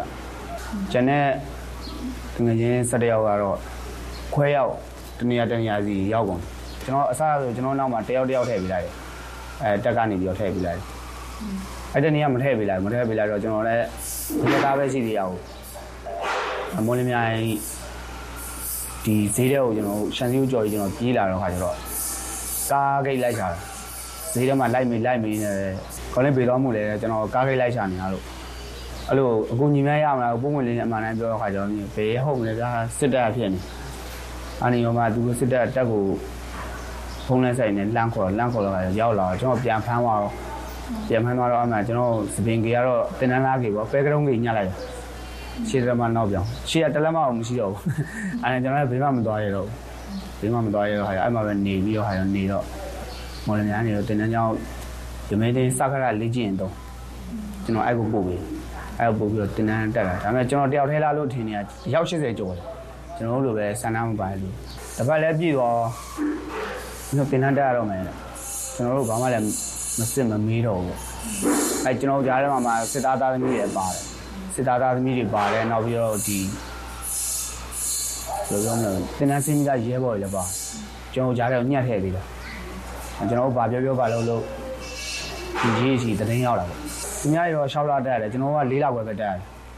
တယ်4လခွဲမှာတော်တော်ကြမ်းကြမ်းနဲ့မောင်းတာတင်တန်းကြောင်းရောက်တော့လည်းတစ်ပတ်ကြော်ကြော်လောက်ပဲနေရတယ်တင်တန်းမှာတွေ့တဲ့အတွေ့အကြုံလေးနည်းနည်းပြောပြပေးပါတင်တန်းမှာတွေ့တဲ့အတွေ့အကြုံကတော့သူတို့ပြောရတော့စစ်သားဖြစ်ပြီဆိုတော့ကြမ်းကြမ်းနဲ့တန်းမဟုတ်လားစားတော့တာတော့ကြမ်းတယ်ဟင်းနေပါလေဆိုငားတွေပါလေဆိုလို့ချင်းတောင်းတောင်းမကြက်တော့ဘူးတွေးတန်တရေရဲနဲ့ပဲအဲ့လိုမျိုးပဲ ကျွေးခဲ့ရတယ်ရှိရင်ပြီးတော့ခါကျတော့သမင်းထဲမှာဟိုစပလုံးပါတာတို့ဟိုတဲပါတဲဖြူတာတို့အားမျိုးတွေကျွန်တော်တို့တွေအဲ့လိုကြမ်းကြမ်းတန်းတန်းပဲနေရပြီးတော့အဲ့လိုကျွေးတယ်အမြင်ကျွေးတယ်ဟောအဲ့လိုပဲဟိုပါပေါ့မလို့စစ်သားဖြစ်ပြီဆိုရှင်အကျင့်သားရအောင်ထွင်နေရအောင်လို့ဆိုပြီးတော့ငါအဲ့လိုမျိုးကျွေးတယ်အဲ့ဒီအချိန်တုန်းကဟိုအပြင်ကိုထပ်ဖို့လို့အခွင့်อ่ะ ဟိုမတောင်းဘူးအခွင့်မတောင်းဗျအခွင့်မတောင်းဆိုတာကျွန်တော်တို့အမှကျွန်တော်တို့တဆူတစ်ချက်ကြီးကပြောတယ်မင်းတို့ကလည်းဒီတင်တန်းကျောင်းမှာမပြင်းနဲ့တဲ့ပြင်းနေတယ်မလုပ်ဘူးတဲ့အပြင်မှာလုံလေးတွေကင်းနေအများကြီးရှိတယ်တဲ့မင်းတို့ပြင်းရင်ဘယ်လိုမှမလွတ်နိုင်ဘူးအဲ့လိုပြောတယ်အဲ့လိုပြောတာကြောင့်ကျွန်တော်လည်းအမှအောင်းအင်းနေမင်းတို့တက်ရင်နေမင်းတို့ကောင်နေတက်ရင်အတီးတီးရောက်သွားရင်မင်းတို့သွားရတယ်ပြေးဘာမှမဖြစ်ဘူးမင်းတို့ကောင်နေအပြေးဆုံးနဲ့သွားပြေးတဲ့အဲ့လိုမျိုးပြောတာသူလုံးရက်တွေမကြိုက်တော့လို့ ကျွန်တော်တို့လည်းပြောပြတယ်ဒါပေမဲ့သူတို့ကတော့မိသားစုရှိနေတဲ့အတိုင်းအတာဖြစ်တဲ့အတွက်သူတို့အောင် EV နေကြရတယ်အဲ့မှာခမရ340ကိုရောက်တော့ခါကျတော့ကျွန်တော်တို့ကတော့လေနဲ့မသွားဘူးဗျကျွန်တော်တို့ကတော့ဒီမော်လမြိုင်ကိုကားနဲ့ရောက်တယ်ကားနဲ့ရောက်မော်လမြိုင်နဲ့စားထွက်ပြီးတော့ကုန်းချောင်းချောက်ရတာဖာပုံကားစီးရတဲ့နေရာစီးရတယ်မစီးရတဲ့နေရာမစီးရဘူးဖာပုံမှာဖာပုံရောက်ခါနီးနာဖာပုံကကြမ်းလားမကြမ်းလားဆိုကျွန်တော်တို့လာတာကို ဆွဲမိုင်းဆွဲတယ်ဆွဲမိုင်းဆွဲတယ် RPG နဲ့ပစ်တယ်14နဲ့ပစ်တယ်ဒေါ်ဘုံကြီးရှာတယ်အဲ့မှာနေကျွန်တော်တို့တော်တော်ခွာဆောင်တာဒီဖာပုံမရောက်မရှင်းတော့ခွာဆောင်ခဲ့တာဘာလို့လဲတေပြီလို့တင်နေတာဒါပေမဲ့ကျွန်တော်တို့ခန်းလာတယ်ကျွန်တော်တို့ထမ်းရတယ်အဲ့တုန်းကတရားကိုဟန်ကောခုနှစ်လုံးရဲဘော်တေပဲရှိတရားကိုဟန်ကောခုနှစ်လုံးနဲ့ဘုံဒီနှစ်ကတ်ထမ်းရတယ်လမ်းကြောင်းမှာဒီပြစ်ဖို့ရတော့တနက်တော့မပါလာဘူး ကျွန်တော်တင်နန်းသားသေးတင်နန်းမပါဘူးတရင်ရောက်မှထုတ်ရတာလမ်းမှာပဲကျွန်တော်တို့ကတွေးရင်တေပြီးလို့ဒီခါတော့ကျွန်တော်တို့တရင်တော့မရောက်ဘူးထင်တယ်လမ်းမှာလည်းဒီလိုနင်းမိုင်းနင်းလို့ရှောက်ပြီးပြတ်သွားတဲ့လူရှိရယ်ပြီးတော့ဘယ်လိုပြောမလို့ဒီထဲကိုဆန္ဒမပေါဘူးလို့ဝင်တယ်ဝင်ခဲ့တယ်ပေါ့နော်သူတို့သွင်းလို့ဝင်ခဲ့ရတယ်ဆိုပေမဲ့လမ်းမှာပြတ်သွားတဲ့လူတွေဟိုဟာတန်ရာကြီးကျယ်ရတဲ့လူတော့အဲ့လိုမျိုးစစ်ဘက်တီးပိုင်းနေပေါ့နော်တိုက်ပွဲဖြစ်နေတဲ့အချိန်မှာစစ်ဘက်တီးပိုင်းနေတော့ မကြောက်လဲမကြောက်မယွန်လဲမယွန်တတ်တော့အဲ့ချိန်မှာဝင်ပြီးတော့ကူညီခဲ့တာပေါ့ဒီရဲ့စစ်ဘက်တီးနဲ့ဝင်ပြီးတော့စီးပေးခဲ့တာလေအဲ့လိုရှောက်ပြတ်သွားတဲ့ဥစ္စာတွေဆိုစစ်ဘက်တီးပိုင်းနဲ့ကင်ပြီးတော့မှထမ်းခဲ့ပိုးခဲ့ရတယ်လောက်ခဲ့ရတော့အဲ့လမ်းမှာဒီလိုကိုယ်တိုင်ပေါ့နော်စစ်တိုင်နေနဲ့ကိုယ်တိုင်ခံစားရတာမှာဒီလိုလိုတော့မှဘယ်လိုစိတ်ရပေါ်လာကျွန်တော်ကျွန်တော် ခမရ340မှာနေနေတဲ့ကာလတစ်လျှောက်လုံးရှေ့တန်းမတက်ရခင်ပေါ့နော်နောက်တန်းမှာပဲ3လနေရတဲ့အခိုက်အတန့်မှာတော့တနာဖို့ကောင်းတယ်အပုံကပြည်သူလူထုကတော့အလောက်ကန်မရှိပြီးတော့ခါတော့စားစရာရိတ်ခါလုံလောက်လောက်မရဘူးပေါ့တက်ထဲမှာမပေးနိုင်ဘူးထောက်ပံ့မှုမပေးနိုင်တော့မပေးနိုင်တော့ဆိုတော့သူတို့မှမရတာလည်းမဟုတ်ကျွန်တော်တို့လည်းမရဘူးကျွန်တော်တို့လူမျိုးစစ်တီလည်းပဲအဲဘားလိုက်မှတွားကြည့်တဲ့ ဒီလိုပဲနေ့နေ့လည်ကင်းဆိုရင်နိုးစီဘူးတပူညနေကင်းဆိုတပူနှစ်နှစ်ပဲစားတော့စားတော့တာအဲ့လိုဥစ္စာကြီးမဟုတ်ပါဘူးအဲ့လိုအကြောင်းရင်းမဟုတ်ပါဘူးဒါဖြစ်လာပြီဆိုတော့ကိုတယောက်တည်းစားရမှာမဟုတ်တော့အများကြီးပဲစားရတဲ့အတိုင်းအတာဖြစ်တဲ့အတွက်ရတယ်ကိုကဘယ်လိုလုံခြုံရေးသွားခိုင်းပြီဆိုတော့ဟိုအိမ်တက်စစ်ခိုင်းဒီအိမ်တက်စစ်ခိုင်းနိုင်တဲ့စီနေကြီးနိုင်ငင်ကြီးလောက်ခိုင်းတာကြောတဘာဝတိတ်မကြောက်ဘူးဒီကျွန်တော်တို့ရှေ့တမ်းမတက်ခင်3လလောက်နေရတယ် နေရတော့ခါကျတော့အမှန်ဖာပုံမြို့ထဲမှာလုံခြုံရေးကြတော့နော်လုံခြုံရေးကြတော့ခါကျတော့စစ်သားနဲ့ရဲနေရမတူဘူးဗျမတူဘူးဆိုတာကျွန်တော်တို့ကကျွန်တော်ရင်ထဲမှာဆန္ဒမပါတော့လည်းပဲဒီ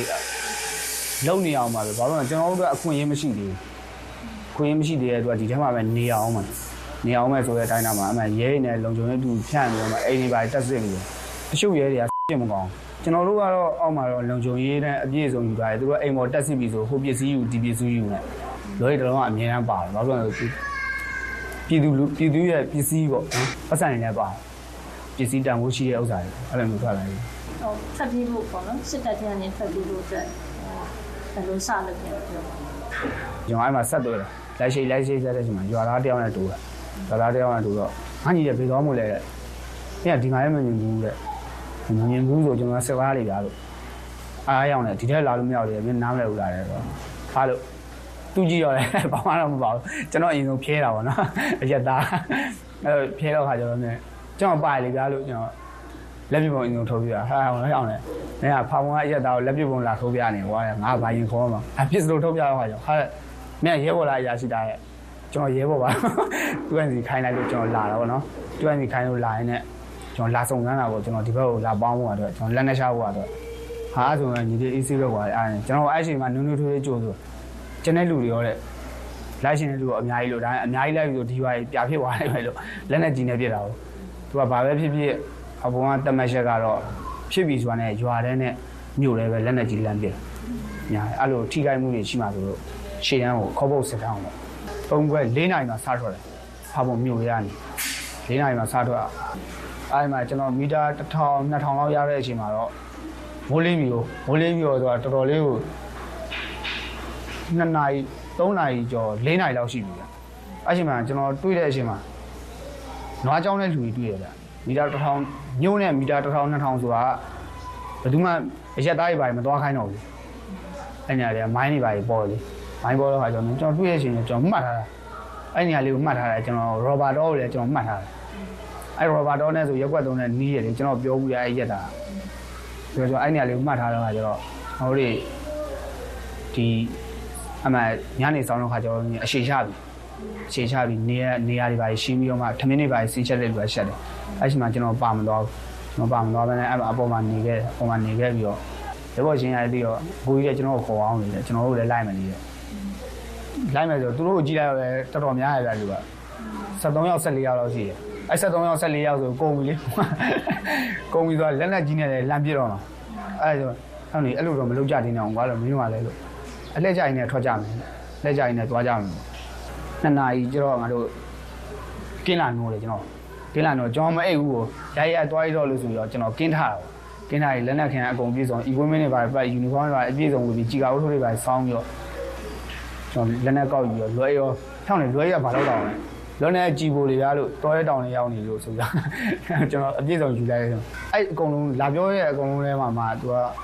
မအိပ်ပဲကျွန်တော်ထိုင်ဆောင်နေတယောက်ရှိဒီလိုရောက်လာရင်ကျွန်တော်နဲ့ပါလာရင်မျိုးမင်းစောမျိုးမင်းစောတားကြည့်လိုက်တော့စောင်းလေးရှုံပြီးတော့ငုတ်တို့လေးထိုင်စောင်းရှုတ်လိုက်တဲ့အချိန်မှာသူ့မှာလက်နက်ခံလက်ပြပုံအကုန်ပြည့်စုံပါနေဟာတော့မင်းကဝရိယရှိလာရလားအဲကျွန်တော်ကင်းဆောင်တဲ့နေရာခေါ်ရတာပေါ့ခေါ်ရရဟဲ့အောင်နှစ်ယောက်အဲနှစ်ယောက်လေအဲဒီမှာကျွန်တော်3နိုင်လောက်ကျတော့ ဘောဘာဒေါနာကိုရောက်ခံဒီမှာမီတာ1000ကျော်လောက်ပေါ့မှန်းတာပေါ့နော်1000ကျော်လောက်ရောက်တဲ့အချိန်မှာလှမ်းပြစ်တယ်ဟို PA တရားရော60လှမ်းပြစ်လို့နော်လက်နဲ့ကြီးနဲ့လှမ်းပြစ်တာကျွန်တော်တို့နဲ့ဆိုရင်မီတာဟို900အကွာလောက်ပါကြာတာပေါ့မီတာ900တော်တော်လှမ်းလှမ်းလေးရောက်တဲ့ခံကြီးကြမှာကျွန်တော်မျက်မှန်းနေပေါ့နော်ဓမီတက်လက်အပေါ်ထောင်ထိုးလိုက်တဲ့ပုံစံပြုတ်ကျခဲ့တဲ့ပုံစံမျိုးဓမီတက်လက်ထောင်ထိုးခဲ့လိုက်ထောင်ထိုးခဲ့လိုက်ပြီးတော့ကျွန်တော်ပြန်ပြီးရှေ့ဆက်လာတယ်ကျွန်တော်နှစ်ယောက်တော့ အဲ့ဓမီထောင်ထိုးထားတဲ့နေရာမှာပဲလက်နဲ့ကြီးပြန်ရင်ခဏခဏကြာတယ်ကျွန်တော်တို့တော့ဘုံမူလာကြိုတမန်ငါဘုံမူပေါ့နော်ဒီရဲ့အခုချိန်ဒီတရှုပ်တလေလဲမှိုင်းမိနေအောင်ပါပဲနော်လူကြီးတွေကမှိုင်းမိနေအောင်ပါပဲဟိုပါပေါ့ဒီဘက်ကိုရောက်ရင်ကင်းမီနဲ့ကွန်ရောက်ရောက်ပြီးဆိုတာနဲ့ဖွဲ့စည်းတယ်မင်းတို့မိလဲတတ်မှာပဲမင်းတို့သွားလဲပဲမင်းတို့တတ်မှာပဲဆိုတော့မဟုတ်ဘူးပေါ့နော်ကျွန်တော်တော့ကျွန်တော်မသေးလို့ပဲဒီမှာရောက်လာပြီအလုပ်လဲလုပ်နေပြီအေးချင်းချင်းနဲ့နေနေရပြီပေါ့နော်တကယ်လို့လာမယ်ဆိုလို့ရှိရင်လည်းပဲ ရှိန်လျှောက်သမျှမကြောက်ဘူးပေါ့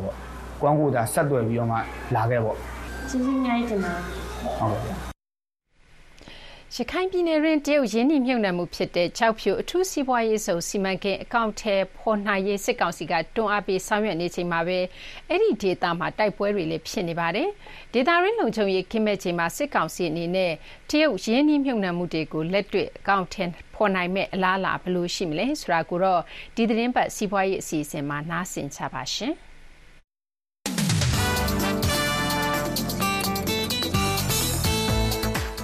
ကျွန်တော်မြင်တာကတော့အကောင့်ကြီးပေါ်ဖို့အစဉ်သင်းစိုက်ရှာရတဲ့အခြေအနေမဟုတ်ဘူးလို့ပဲကျွန်တော်မြင်တယ်ပေါ့လေ။ဘာလို့ဆိုကြောက်ဖြူလေးတိုက်ပွဲဖြစ်ထားတာကိုဟောပေါ့ကြောက်ဖြူအထူးစီးပွားရေးဆောင်လောက်မဲ့နေရာမှာပဲတိုက်ပွဲဖြစ်တာဆိုတော့လေကြောက်ဖြူစီမံကိန်းများအရေးစောင့်ကြည့်သူဦးထွန်းကြည်ကပြောပြခဲ့တာပါတရုတ်ရင်းနှီးမြှုပ်နှံမှုဖြစ်တဲ့ကြောက်ဖြူအထူးစီးပွားရေးဆောင်အနီးမှာအေးအေးရခိုင်တက်တော်နဲ့မြန်မာစစ်ကောင်စီတပ်ဖွဲ့တွေတိုက်ပွဲဖြစ်ပွားခဲ့ပြီး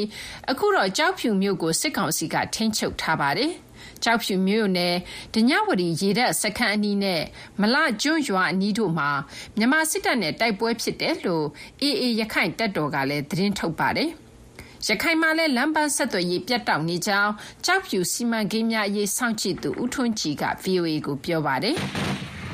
ဘိုးအရှင်ကြီးကတော့ဒီဗမာပြည်နဲ့အဲသွားလာလို့ လုံးဝမရောက်ဘူးဆရာမ။သွားလာခွင့်မရှိဘူး။ဒါပေမဲ့ လေကြောင်းကို ဖွင့်ထားတဲ့အခါကျတော့ မြို့ပေါ်ကလူတွေကတော့ လေကြောင်းသွားလာခွင့်နေကိုအာလို့ရတယ်ပေါ့ရန်ကုန်ကို သွားမယ်ဆိုလို့ရှိရင် သွားလို့ရတယ် ရန်ကုန်ကနေ လာမယ်ဆိုလို့ရှိရင် လာလို့ရတယ် ဒါပေမဲ့အဲနေဘက်မကြည့်ရတဲ့ကို သွားလာခွင့်မရှိဘူး နောက်ပြီးတော့ဒီကုံစီစီစဉ်မှုအားလုံးကို ရပ်တန့်ထားတယ် ဒါကတော့ ကုန်းလန်းရော ရေလန်းရော ဟိုပိုက်ဆိုပိုက်ဆိုထားပိုက်ဆိုထားတဲ့သဘောကိုဟုတ်စစ်ကောင်စီဘက်ကတော့ကြောက်ဖြူအထူးစီးပွားရေးဆောင်အကောင့်ထဲဖော်နိုင်ရေးကိုဒီဇိုင်းမှတ်မှတ်ကြိုးပမ်းနေပါတယ်။ဖေဖော်ဝါရီလ9ရက်နေ့မှာပဲစစ်ကောင်စီဝန်ကြီးဦးအောင်နိုင်ဦးကအထူးစီးပွားရေးဆောင်များအကောင့်ထဲဖော်ရေးအစည်းအဝေးလုပ်ခဲ့ပါတယ်။ ကြောက်ဖြူအထူးစီးပွားရေးဆောင်ကိုနိုင်ငံတော်အစိုးရအနေနဲ့မြန်ဆန်စွာအကောင့်ထဲပေါ်ဆောင်ရွက်လျက်ရှိကြောင်းတရုတ်နဲ့မြန်မာစစ်ကောင်စီကြားမှာတော့ကြောက်ဖြူစီမံကိန်းများရေးနောက်ဆက်တွဲစာချုပ်ကိုမကြာခင်ကလက်မှတ်ရေးထိုးနိုင်ခဲ့တာဖြစ်ပြီးစစ်ကောင်စီကတော့ကြောက်ဖြူစီမံကိန်းကိုအကောင့်ထဲဖော်နိုင်ဖို့မျှော်လင့်ထားတာပါ။ ကျောက်ဖြူစီမံကိန်းများအရေးစောင့်ကြည့်သူဦးထွန်းကြည်ကတော့ကျောက်ဖြူအရေးနောက်ဆက်တွဲစီမံကိန်းလက်မှတ်ထိုးတာကလုပ်ငန်းသဘောအရဖြစ်နိုင်တယ်လို့ပြောပါတယ်။ဒီ process ကြီးကစကတိကလာလောက်လာတာဆိုတဲ့အခါကျတော့အခုနောက်ဆုံး final agreement ကိုလက်မှတ်ထိုးရဆိုတာကသူစားရနေလို့တော့ကျွန်တော်မမြင်ဘူးဒါလောက်ကိုလောက်ရမယ်လောင်းငန်းစဉ်ဖြစ်တယ်ဒီနေရာမှာအာနာသိမ့်ထားတာမသိမ့်ထားတာကိုချစ်ကျွဲလို့မရဘူးပေါ့လေနော်ချိတဲ့လူနဲ့တော့လည်းမထိုးရမှာပဲတယောက်ဘက်ကတော့ ဆိုတော့ဒါမဲ့လက်မထိုးကြရဲဆိုပေမဲ့အကောင့်ကြီးပေါ်ဖို့အပိုင်းမှာကြတော့တယောက်ဘက်ကတော့စဉ်းစားလိမ့်မယ်လို့ကျွန်တော်ထင်တယ်။ဘာလို့ဆိုတော့နေရာမျိုးကိုစစ်ကောင်စီကတော့တယောက်လိုနိုင်ငံကြီးကိုလာပြီးတော့ county position မှာကတော့အာတေးရှာတယ်။အဲဆိုသူတို့လုံခြုံရေးအတွက်လည်းတယောက်ကိုအသုံးချခြင်းတဲ့သဘောမှာထိနိုင်တယ်ပေါ့လေနော်။အဲ့လိုမျိုးပဲကျွန်တော်မြင်ပါတယ်။ စစ်ကောင်စီရွေထားသလိုအကောင့်ထဲဖော်နိုင်ရေးကတော့လုံခြုံရေးအရာရော လူထုစန္ဒအရာပါအခက်အခဲရှိနိုင်တယ်လို့လည်းသူကသုံးသပ်ပါတယ်ဆိုတော့စစ်ကောင်စီဘက်ကလည်းသူတို့ကအခုပိုက်ဟိုပါဗောနော်သူတို့ကလည်းမျိုးပေါ်ကလူတွေလူသားတန်းကအဖြစ်အဲတောင်းယူချပြီးတော့မျိုးပေါ်ကိုသူတို့ကြီးစိုးထားတယ်ဆိုတော့ဒီမျိုးပေါ်အဝင်အထွက်လုံးဝမရှိအောင်လောက်ထားတယ်နောက်တော့ရေရေရေချောင်းသွားလာရေးတွေအကုန်လုံးကိုလည်းပိုက်ဆိုးထားတယ်ဆိုတဲ့အခါကျတော့ဒါတွေကို ဒီဒီတယောက်ကလောက်တဲ့ စီမံကိန်းအတွက် သူတို့ ဖွင့်ပေးရေးမလားပေါ့နော် ဖွင့်ပေးတယ်ဆိုလို့ရှိရင်တော့အဲဘယ်လောက်ထိဘယ်လောက်ထိအမခံချက်ကိုဘယ်လို ဘယ်လို မဟာဗျူဟာနဲ့ ဆက်သွားမလဲဆိုတဲ့ဟာကတော့ သူတို့ထားရွေးရမယ့်သဘောမှာ ရှိရဆိုတော့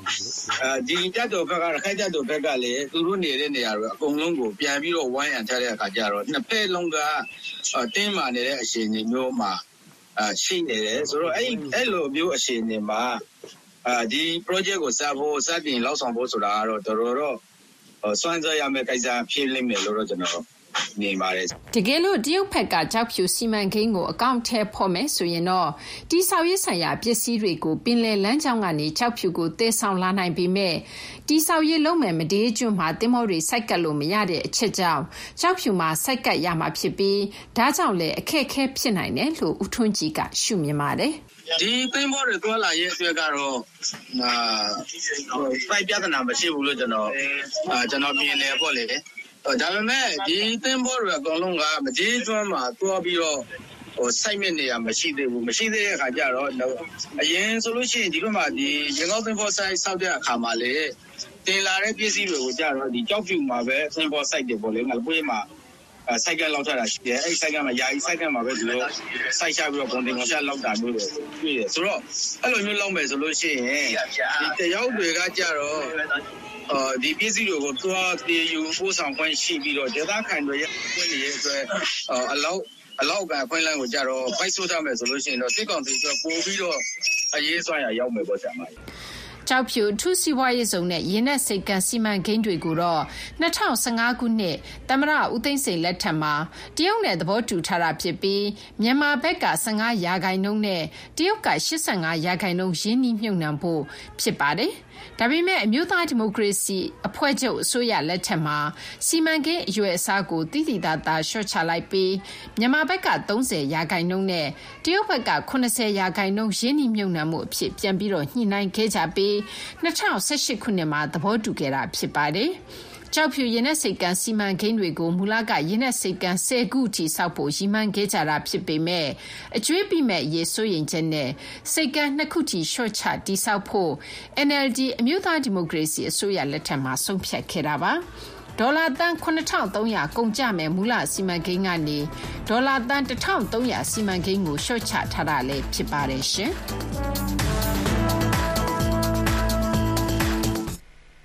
အပတ်စဉ်စီးပွားရေးစီစဉ်ကိုတော့ကျမစီစဉ်တင်ဆက်နေတာဖြစ်ပါတယ်ရှင်။ VOA ကထုတ်လွှင့်နေတဲ့စီးပွားရေးအစည်းအဝေးပါဝင်အပတ်စဉ်ခဏတွေသတင်းတွေသတင်းဆောင်မတွေရေဒီယိုရုပ်သံအစီအစဉ်တွေဗီဒီယိုအစီအစဉ်တွေနဲ့တွဲဆုံမြင်မြန်ကန်တွေကိုတော့ကျမတို့ရဲ့ website စာမျက်နှာဖြစ်တဲ့ burmese.voanews.com မှာလည်းအချိန်မီလာရောက်ဖတ်ရှုနားဆင်ကြည့်ရှုနိုင်ကြပါတယ်ရှင်။အခုကတော့လူမှုရှုခင်းသတင်းပတ်စဉ်ခဏကိုတင်ပြပါမယ်။ မြန်မာနိုင်ငံမှာ စစ်ဖြစ်နေတဲ့နေရာတွေကို ကိုယ်တိုင်သွားပြီး ဓာတ်ပုံရိုက်ကူးခဲ့တဲ့ ဓာတ်ပုံသတင်းထောက် YAT က ဓာတ်ပုံတချို့နဲ့ အဲ့ဒီဓာတ်ပုံတွေရဲ့ နောက်ွယ်က အကြောင်းတွေကိုမဆုမြတ်မွန်ကို မျှဝေထားတာကို လူမှုရှုခင်း အစီအစဉ်မှာ တင်ပြထားပါတယ်ရှင်။ မြန်မာနိုင်ငံမှာ2021ခုနှစ်စစ်တပ်အာဏာသိမ်းပြီးနောက်ပိုင်းစစ်အာဏာသိမ်းအုပ်ချုပ်တာကိုလက်မခံသူတချို့ကဒီလက်နဲ့ဆွဲကင်တော်လှန်နေကြတာကထူးခြားတဲ့သမိုင်းစာမျက်နှာတစ်ခုဆိုတာကိုညင်မရပါဘူး။အဲဒီလိုသမိုင်းအချိုးအကွေဖြစ်ရတွေကိုသတင်းတောက်တွေအပါအဝင်နေပယ်ဆောင်ကကျွမ်းကျင်သူတွေကအမြဲမပြတ်လေ့လာပတ်တန်းတင်နေကြပါတယ်။ဓာတ်ပုံသတင်းတောက် YAT ကလည်းစစ်ပွဲဖြစ်နေတဲ့နေရာတွေကိုကိုယ်တိုင်သွားပြီးတော့မှဒီဓာတ်ပုံမှတ်တမ်းတွေတင်နေပါတယ်။ ပြီးခဲ့တဲ့၃နှစ်အတွင်းသူမှတ်တမ်းတင်ထားတဲ့ဓာတ်ပုံတွေကတချို့ကို VOA မြန်မာပိုင်းကိုမျှဝေပြီးတော့ဓာတ်ပုံတွေရဲ့နောက်ွယ်ကဖြစ်ရပ်ကိုပြောပြထားပါတယ်။ဒီပထမဆုံးဓာတ်ပုံကတော့2021ဒီဇင်ဘာ24ရက်နေ့တုန်းကစစ်ဘေးကနေလွတ်အောင်ထွက်ပြေးသူတွေကိုဖရူဆိုမြို့နယ်ကမိုဆိုမြို့မှာစစ်တပ်ကဒီအစုလိုက်တပ်ဖြတ်မိရှို့ခဲ့ပြီးတဲ့နောက်အဲ့ဒီနေရာရောက်သွားချိန်ရိုက်ဖြစ်ခဲ့တဲ့ဓာတ်ပုံတွေကတပုံဖြစ်တယ်လို့ဓာတ်ပုံသတင်းတာ YET ကအခုလိုပြောပြထားပါတယ်။ ဒီပုံကကျွန်တော်ဒီမောဆိုးရှိရလီမူဆိုဟိုရွာနာမှာဖြစ်တဲ့အစုလိုက်ပြုံလိုက်ပေါ့နော်လူတွေတက်ခံရတဲ့ကျွင်းကြံတွေပေါ့စစ်ကောင်စီဘက်ကစစ်ပေးဆောင်တွေကိုဖမ်းတားတယ်တားပြီးတော့တဲ့အချိန်မှာသူတို့တက်ပြီးတော့မီးရှို့ခဲ့တယ်ပေါ့နော်အော်အဲ့အဲ့ဒီကိုဟိုရောက်တော့ကြားဘလောက်မှဘလောက်ဆိုပြီးတော့သူတို့ကပြောပြရှင်းပြရင်တန်းလန်းနဲ့တော့ကလေးလေးပါပါတယ်ပေါ့နော်အဲ့ဒီဟာဟိုဟိုပထမဆုံးရောက်တဲ့လူတယောက်အဲ့လူကရှင်းပြတယ်အဲ့ကလေးလေးရဲ့ခေါင်းဆိုရင် တသေးလေးပဲရှိရပေါ့နော်ဘောလုံးသေးသားလောက်ပဲရှိရပေါ့နော်မဲတူးနေဘာမှတော့မမြင်အောင်ဒါပေမဲ့ခေါင်းလေးကအလောက်လောက်လေးပဲရှိရပေါ့သူတို့ခံမှန်းကြတော့လာသားလို့တော့ပြောတာပေါ့နော်အဲအဲ့အချိန်မှာကျွန်တော်လည်းအဲ့ဒါကိုတပုံပိတ်ရိုင်နေပြန်လဲဒီအောက်မှာကြာနေတဲ့ကလေးအင်ကြီးလေးအနှွေးတွေလေးကိုကျွန်တော်တွေ့ရပါဘောနော်သူတို့အသက်ခံရတဲ့အချိန်မှာဒါ Christmas Eve မှာပေါ့နော်သူတို့ဒီ အစုလိုက်ပြုံလိုက်တက်ခံလိုက်ရတာပေါ့နော်အော်အဲ့ဘက်ချမ်းအရန်အေးရဆိုဒီအနွေးတွေလေးကိုတွေ့တဲ့အချိန်မှာဒီကလေးလေးရဲ့နောက်ဆုံးနွေးတွေလေး maybe ဖြစ်မယ်လို့ကျွန်တော်လည်းယူဆတာပေါ့နော်ဟိုဒီအနွေးတွေလေးကအဲ့လိုမျိုးအဲ့အနေအားလေးမှာတင်နေတာပေါ့အဲ့နေရာလေးမှာတင်နေတော့ကျွန်တော်လိုက်ကြည့်ရင်တန်လန်းနဲ့အဲ့အနွေးတွေလေးရဲ့ဘေးနောက်ဘေးနောက်မှာရှိနေတဲ့ပန်းတွေရဲ့ အဲပြီးတော့ဟိုအဲ့နေရာတွေကတကယ်တမ်းဆိုအရန်လှတဲ့နေရာတွေဗျအရန်အေးချမ်းပြီးတော့အရန်လှတဲ့နေရာတွေဗျပန်းနေဆိုတာလည်းအဲ့လိုတောပန်းနေရာလည်းအများကြီးပွင့်တာဝါးပန်းတွေရောတောပန်းတွေရောတောင်တန်းတွေရောအရန်လှတဲ့နေရာပေါ့နော်အရန်လှတဲ့နေရာမှာဒီလိုရုပ်ဆိုးကြီးတန်တဲ့ဟာကြီးတခုကျွန်တော်တွေ့တဲ့အချိန်ကျတော့အမကလေးရဲ့အင်ဂျီလေးကိုကျွန်တော်တွေ့တော့စိတ်ထဲမှာလုံးဝဟိုအဲ့အဲ့နေရာမှာတော်တော်ကြီးကိုအာဆိုပြီးဖြစ်သွားတာပေါ့နော်ပြီးတော့အဲ့ကလေးအင်ဂျီလေးနဲ့အဲ့အနောက်ခံဟိုသူတို့မီးရှို့ခံရတဲ့ကားတွေနဲ့ကျွန်တော်တွဲပြီးတော့တပုတ်ရိုက်ဖြစ်လိုက်တာပေါ့အစုလိုက်ပြုံလိုက်တက်ခံရတဲ့နေရာတစ်ခုပါကလေးငယ်၄ယောက်အပါအဝင်ဒီစစ်ပြေးဒုက္ခသည်30ကျော်တပ်ဖြတ်ခံခဲ့ရတဲ့မိုးဆိုကျေးရွာဖြစ်ရမှာသူပတ်တန်းတင်ထားတဲ့တပ်ပုံတစ်ပုံဖြစ်ပါတယ်။နောက်တစ်ပုံကလည်းဒီဒေသအခေါ်ကရင်ပြည်နယ်ကရားပြည်နယ်တွေကဒေါဒမကြီးစီးရုံတပ်ပုံဖြစ်ပါတယ်။ ဒီမော့ဆိုရှိဘက်ချမ်းမှာရှိတဲ့ ဒေါဒမကြီးဆေးရုံကို2023မတ်လ24ရက်နေ့တုန်းက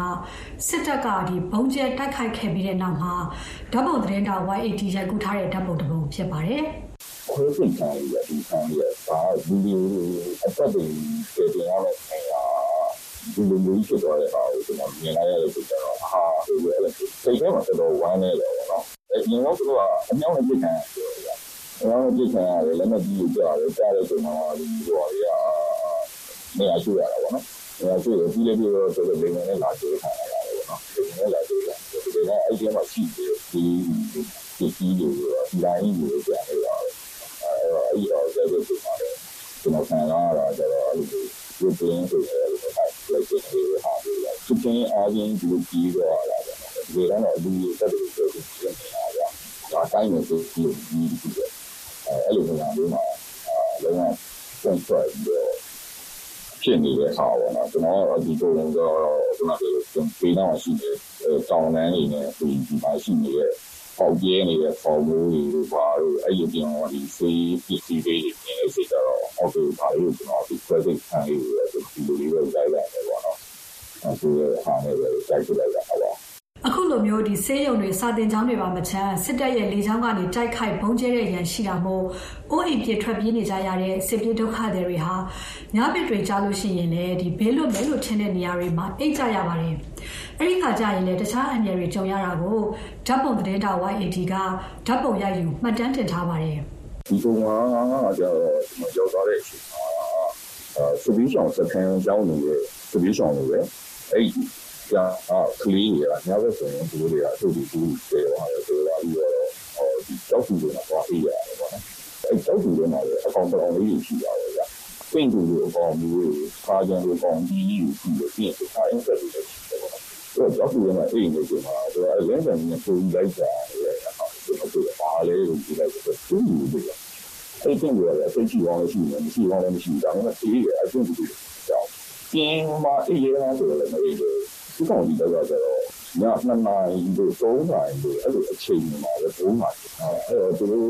နေနေရတယ်အပြင်မှာလည်းအိမ်ကြီးကိုပြေးကြောက်ရတယ်အပြင်မှာအိမ်လေးတွေလည်းကျွန်တော်တို့လည်းဘာဝဒီရန်ကြောက်ရတယ်ကွာဒီဒီရောင်လေးဒီရောက်တိုင်းမှာကျွန်တော်ဝမ်းနေတာတွေ့ရတာပြေးရတယ်တော့အနေနဲ့မျိုးမျိုးပြီးတော့နေနေကြောက်ရွံ့နေတယ်အဲ့တော့လည်းပို့ပြီးတော့သူထောင်းနေတယ်ပေါ့အဲ့ဒါလည်းတော်တော်လေးကိုသူ့မှာလည်းအဲ့ဒီမှာလေးတော်တော်ဆက်ပါပါ စစ်ပွဲတွေဖြစ်နေတဲ့နေရာမှာသတင်းယူကြရတဲ့သတင်းတောက်တွေဓာတ်ပုံသတင်းတောက်တွေကင်မရာမန်တွေအနေနဲ့လည်းသိအန္တရာယ်များတယ်ဆိုတာကိုနောက်ထပ်ဓာတ်ပုံတစ်ခုကသက်သေပြနေပါတယ်။အဲ့ညလည်းမမရတာကျွန်တော်တို့နှစ်နိုင်ခွဲလောက်ကြီးပါအဲ့လိုတင်းနေတယ်ကြားတယ်တင်းနေကြားတော့ကျွန်တော်နဲ့ဒီနားမှာရှိတယ်ဆိုတော့လည်းညာသူကလမ်းပြီးတော့လှုပ်လိုက်တာနဲ့ကျွန်တော်လည်းဒိန်းနေကြားတယ်ဟိုပုံပြီးတော့လိုက်တယ်။တင်းနေကြအောင်စက္ကန့်လားစက္ကန့်ဆောစက္ကန့်လောက်ပဲကြားတယ်။ဟိုအဲ့လိုမျိုးကြားတယ်။ပုံအားဆိုကြားတယ်။ ဖြစ်ဖြစ်တဲ့ခါရတမိနစ်မကြောက်ဘူးနော်ဒါပေမဲ့အဲ့တမိနစ်ဆိုရဲဒီစက်ကဆောက်တယ်လို့ဒီခေါ်လာတော့ကြာတယ်ကျွန်တော်တို့လည်းတော့အဲ့လိုဝင်နေနေကြီးအဆိုင်ဆင်းလာတယ်ပုံကျဲသွားတယ်ပြီးပြန်ဝိုင်ဝိုင်ဆင်းဆိုင်ဆင်းလာတယ်အဲ့အဲ့အဲ့အတိုင်းနဲ့နောက်ွယ်မှာပါတာဆက်ကြတယ်တယောက်ထိသွားတယ်တယောက်ထိသွားတယ်ဆိုတော့ကြာတော့တယောက်ထိသွားပြီဆိုတော့အချီးရလူဟာလူကြီးရတယ်လူကြီးတယ်သူမှသိတယ်အဲ့ဒီသွားတယ်ဆိုတော့တဲ့ဆိုတော့တဲ့ဆိုတော့လည်း ရှင်လေးတစ်ခုကြားတယ်ကိုကြောက်တာပေါ့နော်ကျွန်တော်တို့လည်းအဲ့ဒါကိုပြီးပြီးတော့ဟိုဘယ်လိုများပြီးရတယ်ဆိုပြီးတော့ကြွားရင်းနဲ့ကျွန်တော်အဲ့ဒီနေရာမှာအိတ်တယောက်ကိုတော့ပုံရိုက်ဖြစ်တာပေါ့တကယ်လည်းတစ်စက္ကန့်လောက်တာနောက်ကြာပြီးတော့ဒါမှမဟုတ်တစ်စက္ကန့်လောက်တာစောပြီးတော့သူကျဲခဲ့မယ်ခေဆိုရင်အဲအကုန်လုံးပါနိုင်တယ်ကျွန်တော်တို့လည်းပါသွားနိုင်တယ်ပေါ့နော်အဲ့တော့စက္ကန့်လေးတစ်ခုက live ဒီအများကြီးကိုကြောင်းလဲသွားနိုင်တယ်ဆိုတဲ့ဟာဟိုအဲ့မှာမြင်ရတယ်ပေါ့နော် ဒီဒဏ်ရာရသွားတဲ့သူကတော့စစ်ဖြစ်နေတဲ့နေရာတွေကဒေသခံတွေကိုလိုက်ပြီးတော့ကူညီပေးနေတဲ့ Free Burma Rangers အဖွဲ့ဝင်တယောက်ဖြစ်ပါတယ်။ဒီစစ်ဖြစ်နေတဲ့ဒေသတွေကိုလှည့်လည်ပြီးတော့ဓာတ်ပုံရိုက်နေတဲ့ဒီဓာတ်ပုံသတင်းတောက် YAD ရဲ့အပြောအရဆိုရင်ဒေသခံအများစုဟာဒီပြည်သူ့ကာကွယ်တပ်ဖွဲ့ဝင်တွေကိုမြင်လို့ရှိရင်အားကိုးယုံကြည်ကြတာကိုနေရာတော်တော်များများမှာသူတွေ့ရတယ်လို့ပြောပါတယ်။အဲ့လိုမျိုးယုံကြည်စိတ်ရှိပုံရတဲ့ဒီစစ်ဘေးရန်ရှာမိုးပြဲဒေသခံတယောက်ကိုလည်းဓာတ်ပုံသတင်းတောက်ကဓာတ်ပုံမှတ်တမ်းတင်ထားပါသေးတယ်။ အော်ဒီစပင်းနဲ့သွားနေတဲ့လူကအဲ့ဒါဒီဒီစစ်ဆောင်ရဲ့အခုရောက်တော့အိမ်ကျန်လာအိမ်ကျန်လာပြီးတော့တိုက်ပွဲလေးကျော်တော့ပိတ်မိနေတော့ဒါပေမဲ့အဲ့ဘယ်ဘက်ပြီးမှဆိုရင်ပြန်ရဲပဲဒီသားလေးကိုသူ့နေတယ်နည်းနည်းလေးပြပြလေးပဲပါတယ်ပဲနော်ကျွန်တော်တော့အင်းအင်းအဆူနေလာလို့ကျွန်တော်ပုံရိုက်ခဲ့တော့နော်အဲ့အဲ့စစ်ပါအဲ့တော့တွေ့လေတွေ့လေတွေ့သူကပြီးလာပြီးတော့သူစိတ်ဖြစ်တယ်သူကခံလာမှုတွေကျွန်တော်ခံလာရတယ်အဲ့ဒီဒီမှာအဲ့လိုသဘင်လေးနဲ့သူ ကျွန်တော်ဒီဘက်ကအေးစီပဲလာဆိုတော့အေးစီပဲဒီဘက်ကသူ့လူကြီးရှိတယ်ဒီမင်းတို့ဒီပါနဲ့ဒိဋ္ဌာတို့ကသူ့မှာပြည့်နေတယ်ဆိုသူမင်းတို့ပြရတာ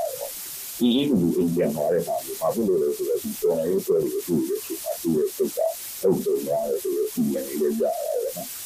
ဒီလူကလည်းကျွန်တော်သဘုံကြိုက်လိုက်လို့သဘောကျပြီးတော့သဘုံကြိုက်လိုက်တော့ကျွန်တော်တို့မှရပြင်ပြတော့အော်ကျွန်တော်သုံးလာတော့ဒီလိုဆိုမှအပြားပြလိုက်တော့လေ သူရောက်လို့မှတ်မိတာဆိုတော့သူရဲ့ဒီတမီးအပြစ်ခံရတယ်အဲဒီအိန္ဒိယနေရဟာကျွန်တော်ဇန်ရတာနောက်ဆုံးပုံကဖြစ်သွားမှာဆိုလို့ဒီစစ်ပွဲတွေဖြစ်သွားတဲ့နေရာမှာဒီတိုက်ပွဲတွေကြားညံ့နေတဲ့သူတွေကိုမရရအောင်ကယ်ဆယ်တဲ့ဒီဆရာဝန်တွေဆေးကျောင်းသားတွေပါတဲ့ရဲရဲနဲ့အဖွဲ့တွေကိုလည်းသူမြင်တွေ့ခဲ့ရတယ်လို့ဓာတ်ပုံသတင်းတောက်ကပြောပြပါတယ်။ အန်ဒီယေကိုဂယုမဆောက်ပဲဒီနောက်ဆုံးအခြေအနေပေးတဲ့အထိပိတ်မိနေတဲ့ပြည်သူတွေဒဏ်ရာရနေတဲ့သူတွေကိုတရားမကြံကယ်ဆယ်ဖို့ကြိုးစားတဲ့ Mobile Rescue Team ကိုမှတ်တမ်းတင်ထားတဲ့ဓာတ်ပုံတစ်ပုံဖြစ်ပါတယ်။ကျွန်တော်အဲ့ဒီရောက်ရုပ်သိမ်းကြောက်။နှစ်ယောက်ကြည့်ရကြတယ်ဆိုတော့အဲ့ဒါနဲ့သွားမယ်ဆွဲထုတ်မယ်လို့ဆိုတော့ okay အဲ့ကျွန်တော်လည်းလိုက်လို့ရတာဆိုတော့သူကတက်တက်တက်ရတယ်ကောက်ဝင်လိုက်။ကြာတယ်အန်နေရမယ်ရတယ်ကျွန်တော်လိုက်လိုက်မယ်ဆိုကျွန်တော်ကောက်ဝင်တယ်။ကောက်ဝင်တယ်ပြီးတော့အဲ့ဒါဒီလိုနဲ့လိုက်တယ်။အဲ့တော့တော့ဘူးရတဲ့ဝင်သွားတော့ ကိုရောက်တဲ့အချိန်လေးကျတော့ဟိုမိုးရွာတယ်လို့အတူတူပြစ်လာကြမိုးရွာတဲ့အပြင်သူကအလူလူပြစ်လာအဲ့လက်နဲ့ကြီးကမိုးရွာနေလို့သွားဟိုဟိုဟိုဟိုဘက်ခါလေးမှာရအဲ့ဒလက်တန်တွေကအရန်ကြောက်တော့အဲအားလုံးအဲ့ဒီကြီးကလုံးဝအဲ့တော့ဟိုဟိုဆွဲထုတ်ဖို့ပြင်းနေတယ် အာဒါဆန်ရတာကိုကျေဝတ်တော့သူဆွဲထုတ်ပြီးတော့သူကကားဝတ်ပြန်ကားဝတ်ပြန်ပြီးတော့မှအဲကားနဲ့သူတို့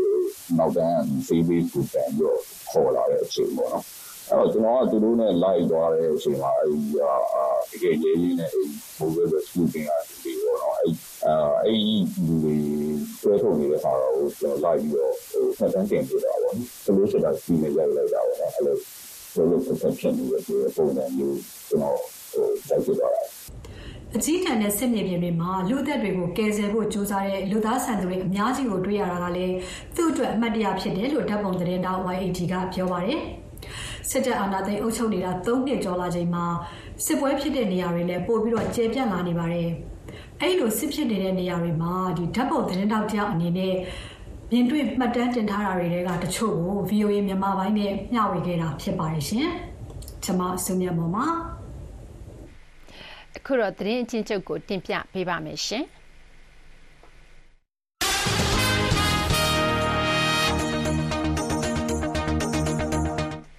ဟာမတ်စစ်သွေးကြတွေဖမ်းထားတဲ့တစားကန်နှစ်ယောက်ကိုအစ္စရေးကတနင်္လာနေ့မှာကယ်တင်လိုက်နိုင်ပါတယ်။ဒါပေမဲ့ထောက်ကူလေးချောင်းတိုက်ခိုက်မှုကြောင့်ဂါဇာတောင်ပိုင်းကမြို့မှာပါလက်စတိုင်းအနည်းဆုံး68ယောက်သေဆုံးသွားကြပါတယ်။ ဂါဇာမှာလူအမြောက်အများအသက်ခံရပြီးဖြစ်တဲ့အတိုင်းအစ္စရေးကိုလက်နက်ပို့တာရပ်ကြဖို့ဥရောပသမဂ္ဂနိုင်ငံခြားရေးမူဝါဒအကြီးအကဲဂျိုးဆက်ဘော်ရဲကအစ္စရေးရဲ့မဟာမိတ်တွေအဓိကအဖြစ်အမေရိကန်ပြည်ထောင်စုကိုတိုက်တွန်းလိုက်ပါတယ်။အစ္စရေးရဲ့စစ်စင်ရေးကအတော်ကိုလွန်သွားပြီလို့အမေရိကန်သမ္မတဂျိုးဘိုင်ဒန်ကအရင်သတင်းပတ်ကပြောခဲ့တာကိုမစ္စတာဘိုရဲကညွှန်းဆိုတိုက်တွန်းလိုက်တာဖြစ်ပါတယ်။ ထိုင်းနိုင်ငံခြားရေးဝန်ကြီးပရန်ပရီဘဟိဒနုကာရာဟာအမေရိကန်နိုင်ငံခြားရေးဝန်ကြီးအန်တိုနီဘလင်ကန်နဲ့တနင်္လာနေ့အမေရိကန်စံတော်ချိန်ညနေပိုင်းမှာတွေ့ဆုံပြီးမြန်မာ့အရေးကိစ္စဦးစားပေးဆွေးနွေးမယ့်အကြောင်းအရာတခုဖြစ်မယ်လို့ခန့်မှန်းထားကြပါတယ်။ မြန်မာနဲ့နယ်ချင်းဆက်ထိုင်းနိုင်ငံတာ့ခ်ခရိုင်အတွင်းမှာမြန်မာဒုက္ခသည်တွေအတွက်လူသားချင်းစာနာကူညီမှုလုပ်ငန်းတွေဒီတလအတွင်းစတင်မယ်လို့ထိုင်းဒုတိယဝန်ကြီးချုပ်လည်းဖြစ်နိုင်ငံခြားရေးဝန်ကြီးလည်းဖြစ်သူ Parnpree ကပြီးခဲ့တဲ့သီတင်းပတ်ကပဲပြောဆိုထားတာဖြစ်ပါတယ်ရှင်။နောက်ဆုံးရသတင်းအချင်းချုပ်ကတော့ဒီလောက်ပါပဲရှင်ဒီမနေ့ခင်းအတွက်အစီအစဉ်ထုတ်လွှင့်ရမှုကနန်းလောင်ဖြစ်ပါတယ် ညပိုင်း9နာရီကနေ10နာရီထိ ထုတ်လွှင့်မဲ့ရေဒီယို ရုပ်သံ အစီအစဉ်ကိုတော့ လိုင်းဒိုမီတာ19 25 30တို့ကနေ ဖမ်းယူ နားဆင်နိုင်ကြပါတယ်ရှင်သောတာရှင်များနဲ့တကွ မြန်မာပြည်သူပြည်သားအလုံး ကိုရောစိတ်ပါ ရွှင်လန်းချက်မြေကြပါစေရှင် VOA ကို အားပေးနားဆင်တဲ့အတွက်လဲ VOA ဝိုင်းတော်သူ ဝိုင်းတော်သားအလုံးကထူးပဲ ကျေးဇူးတင်ပါတယ် ကျမတင်ကြီးထိုက်ပါ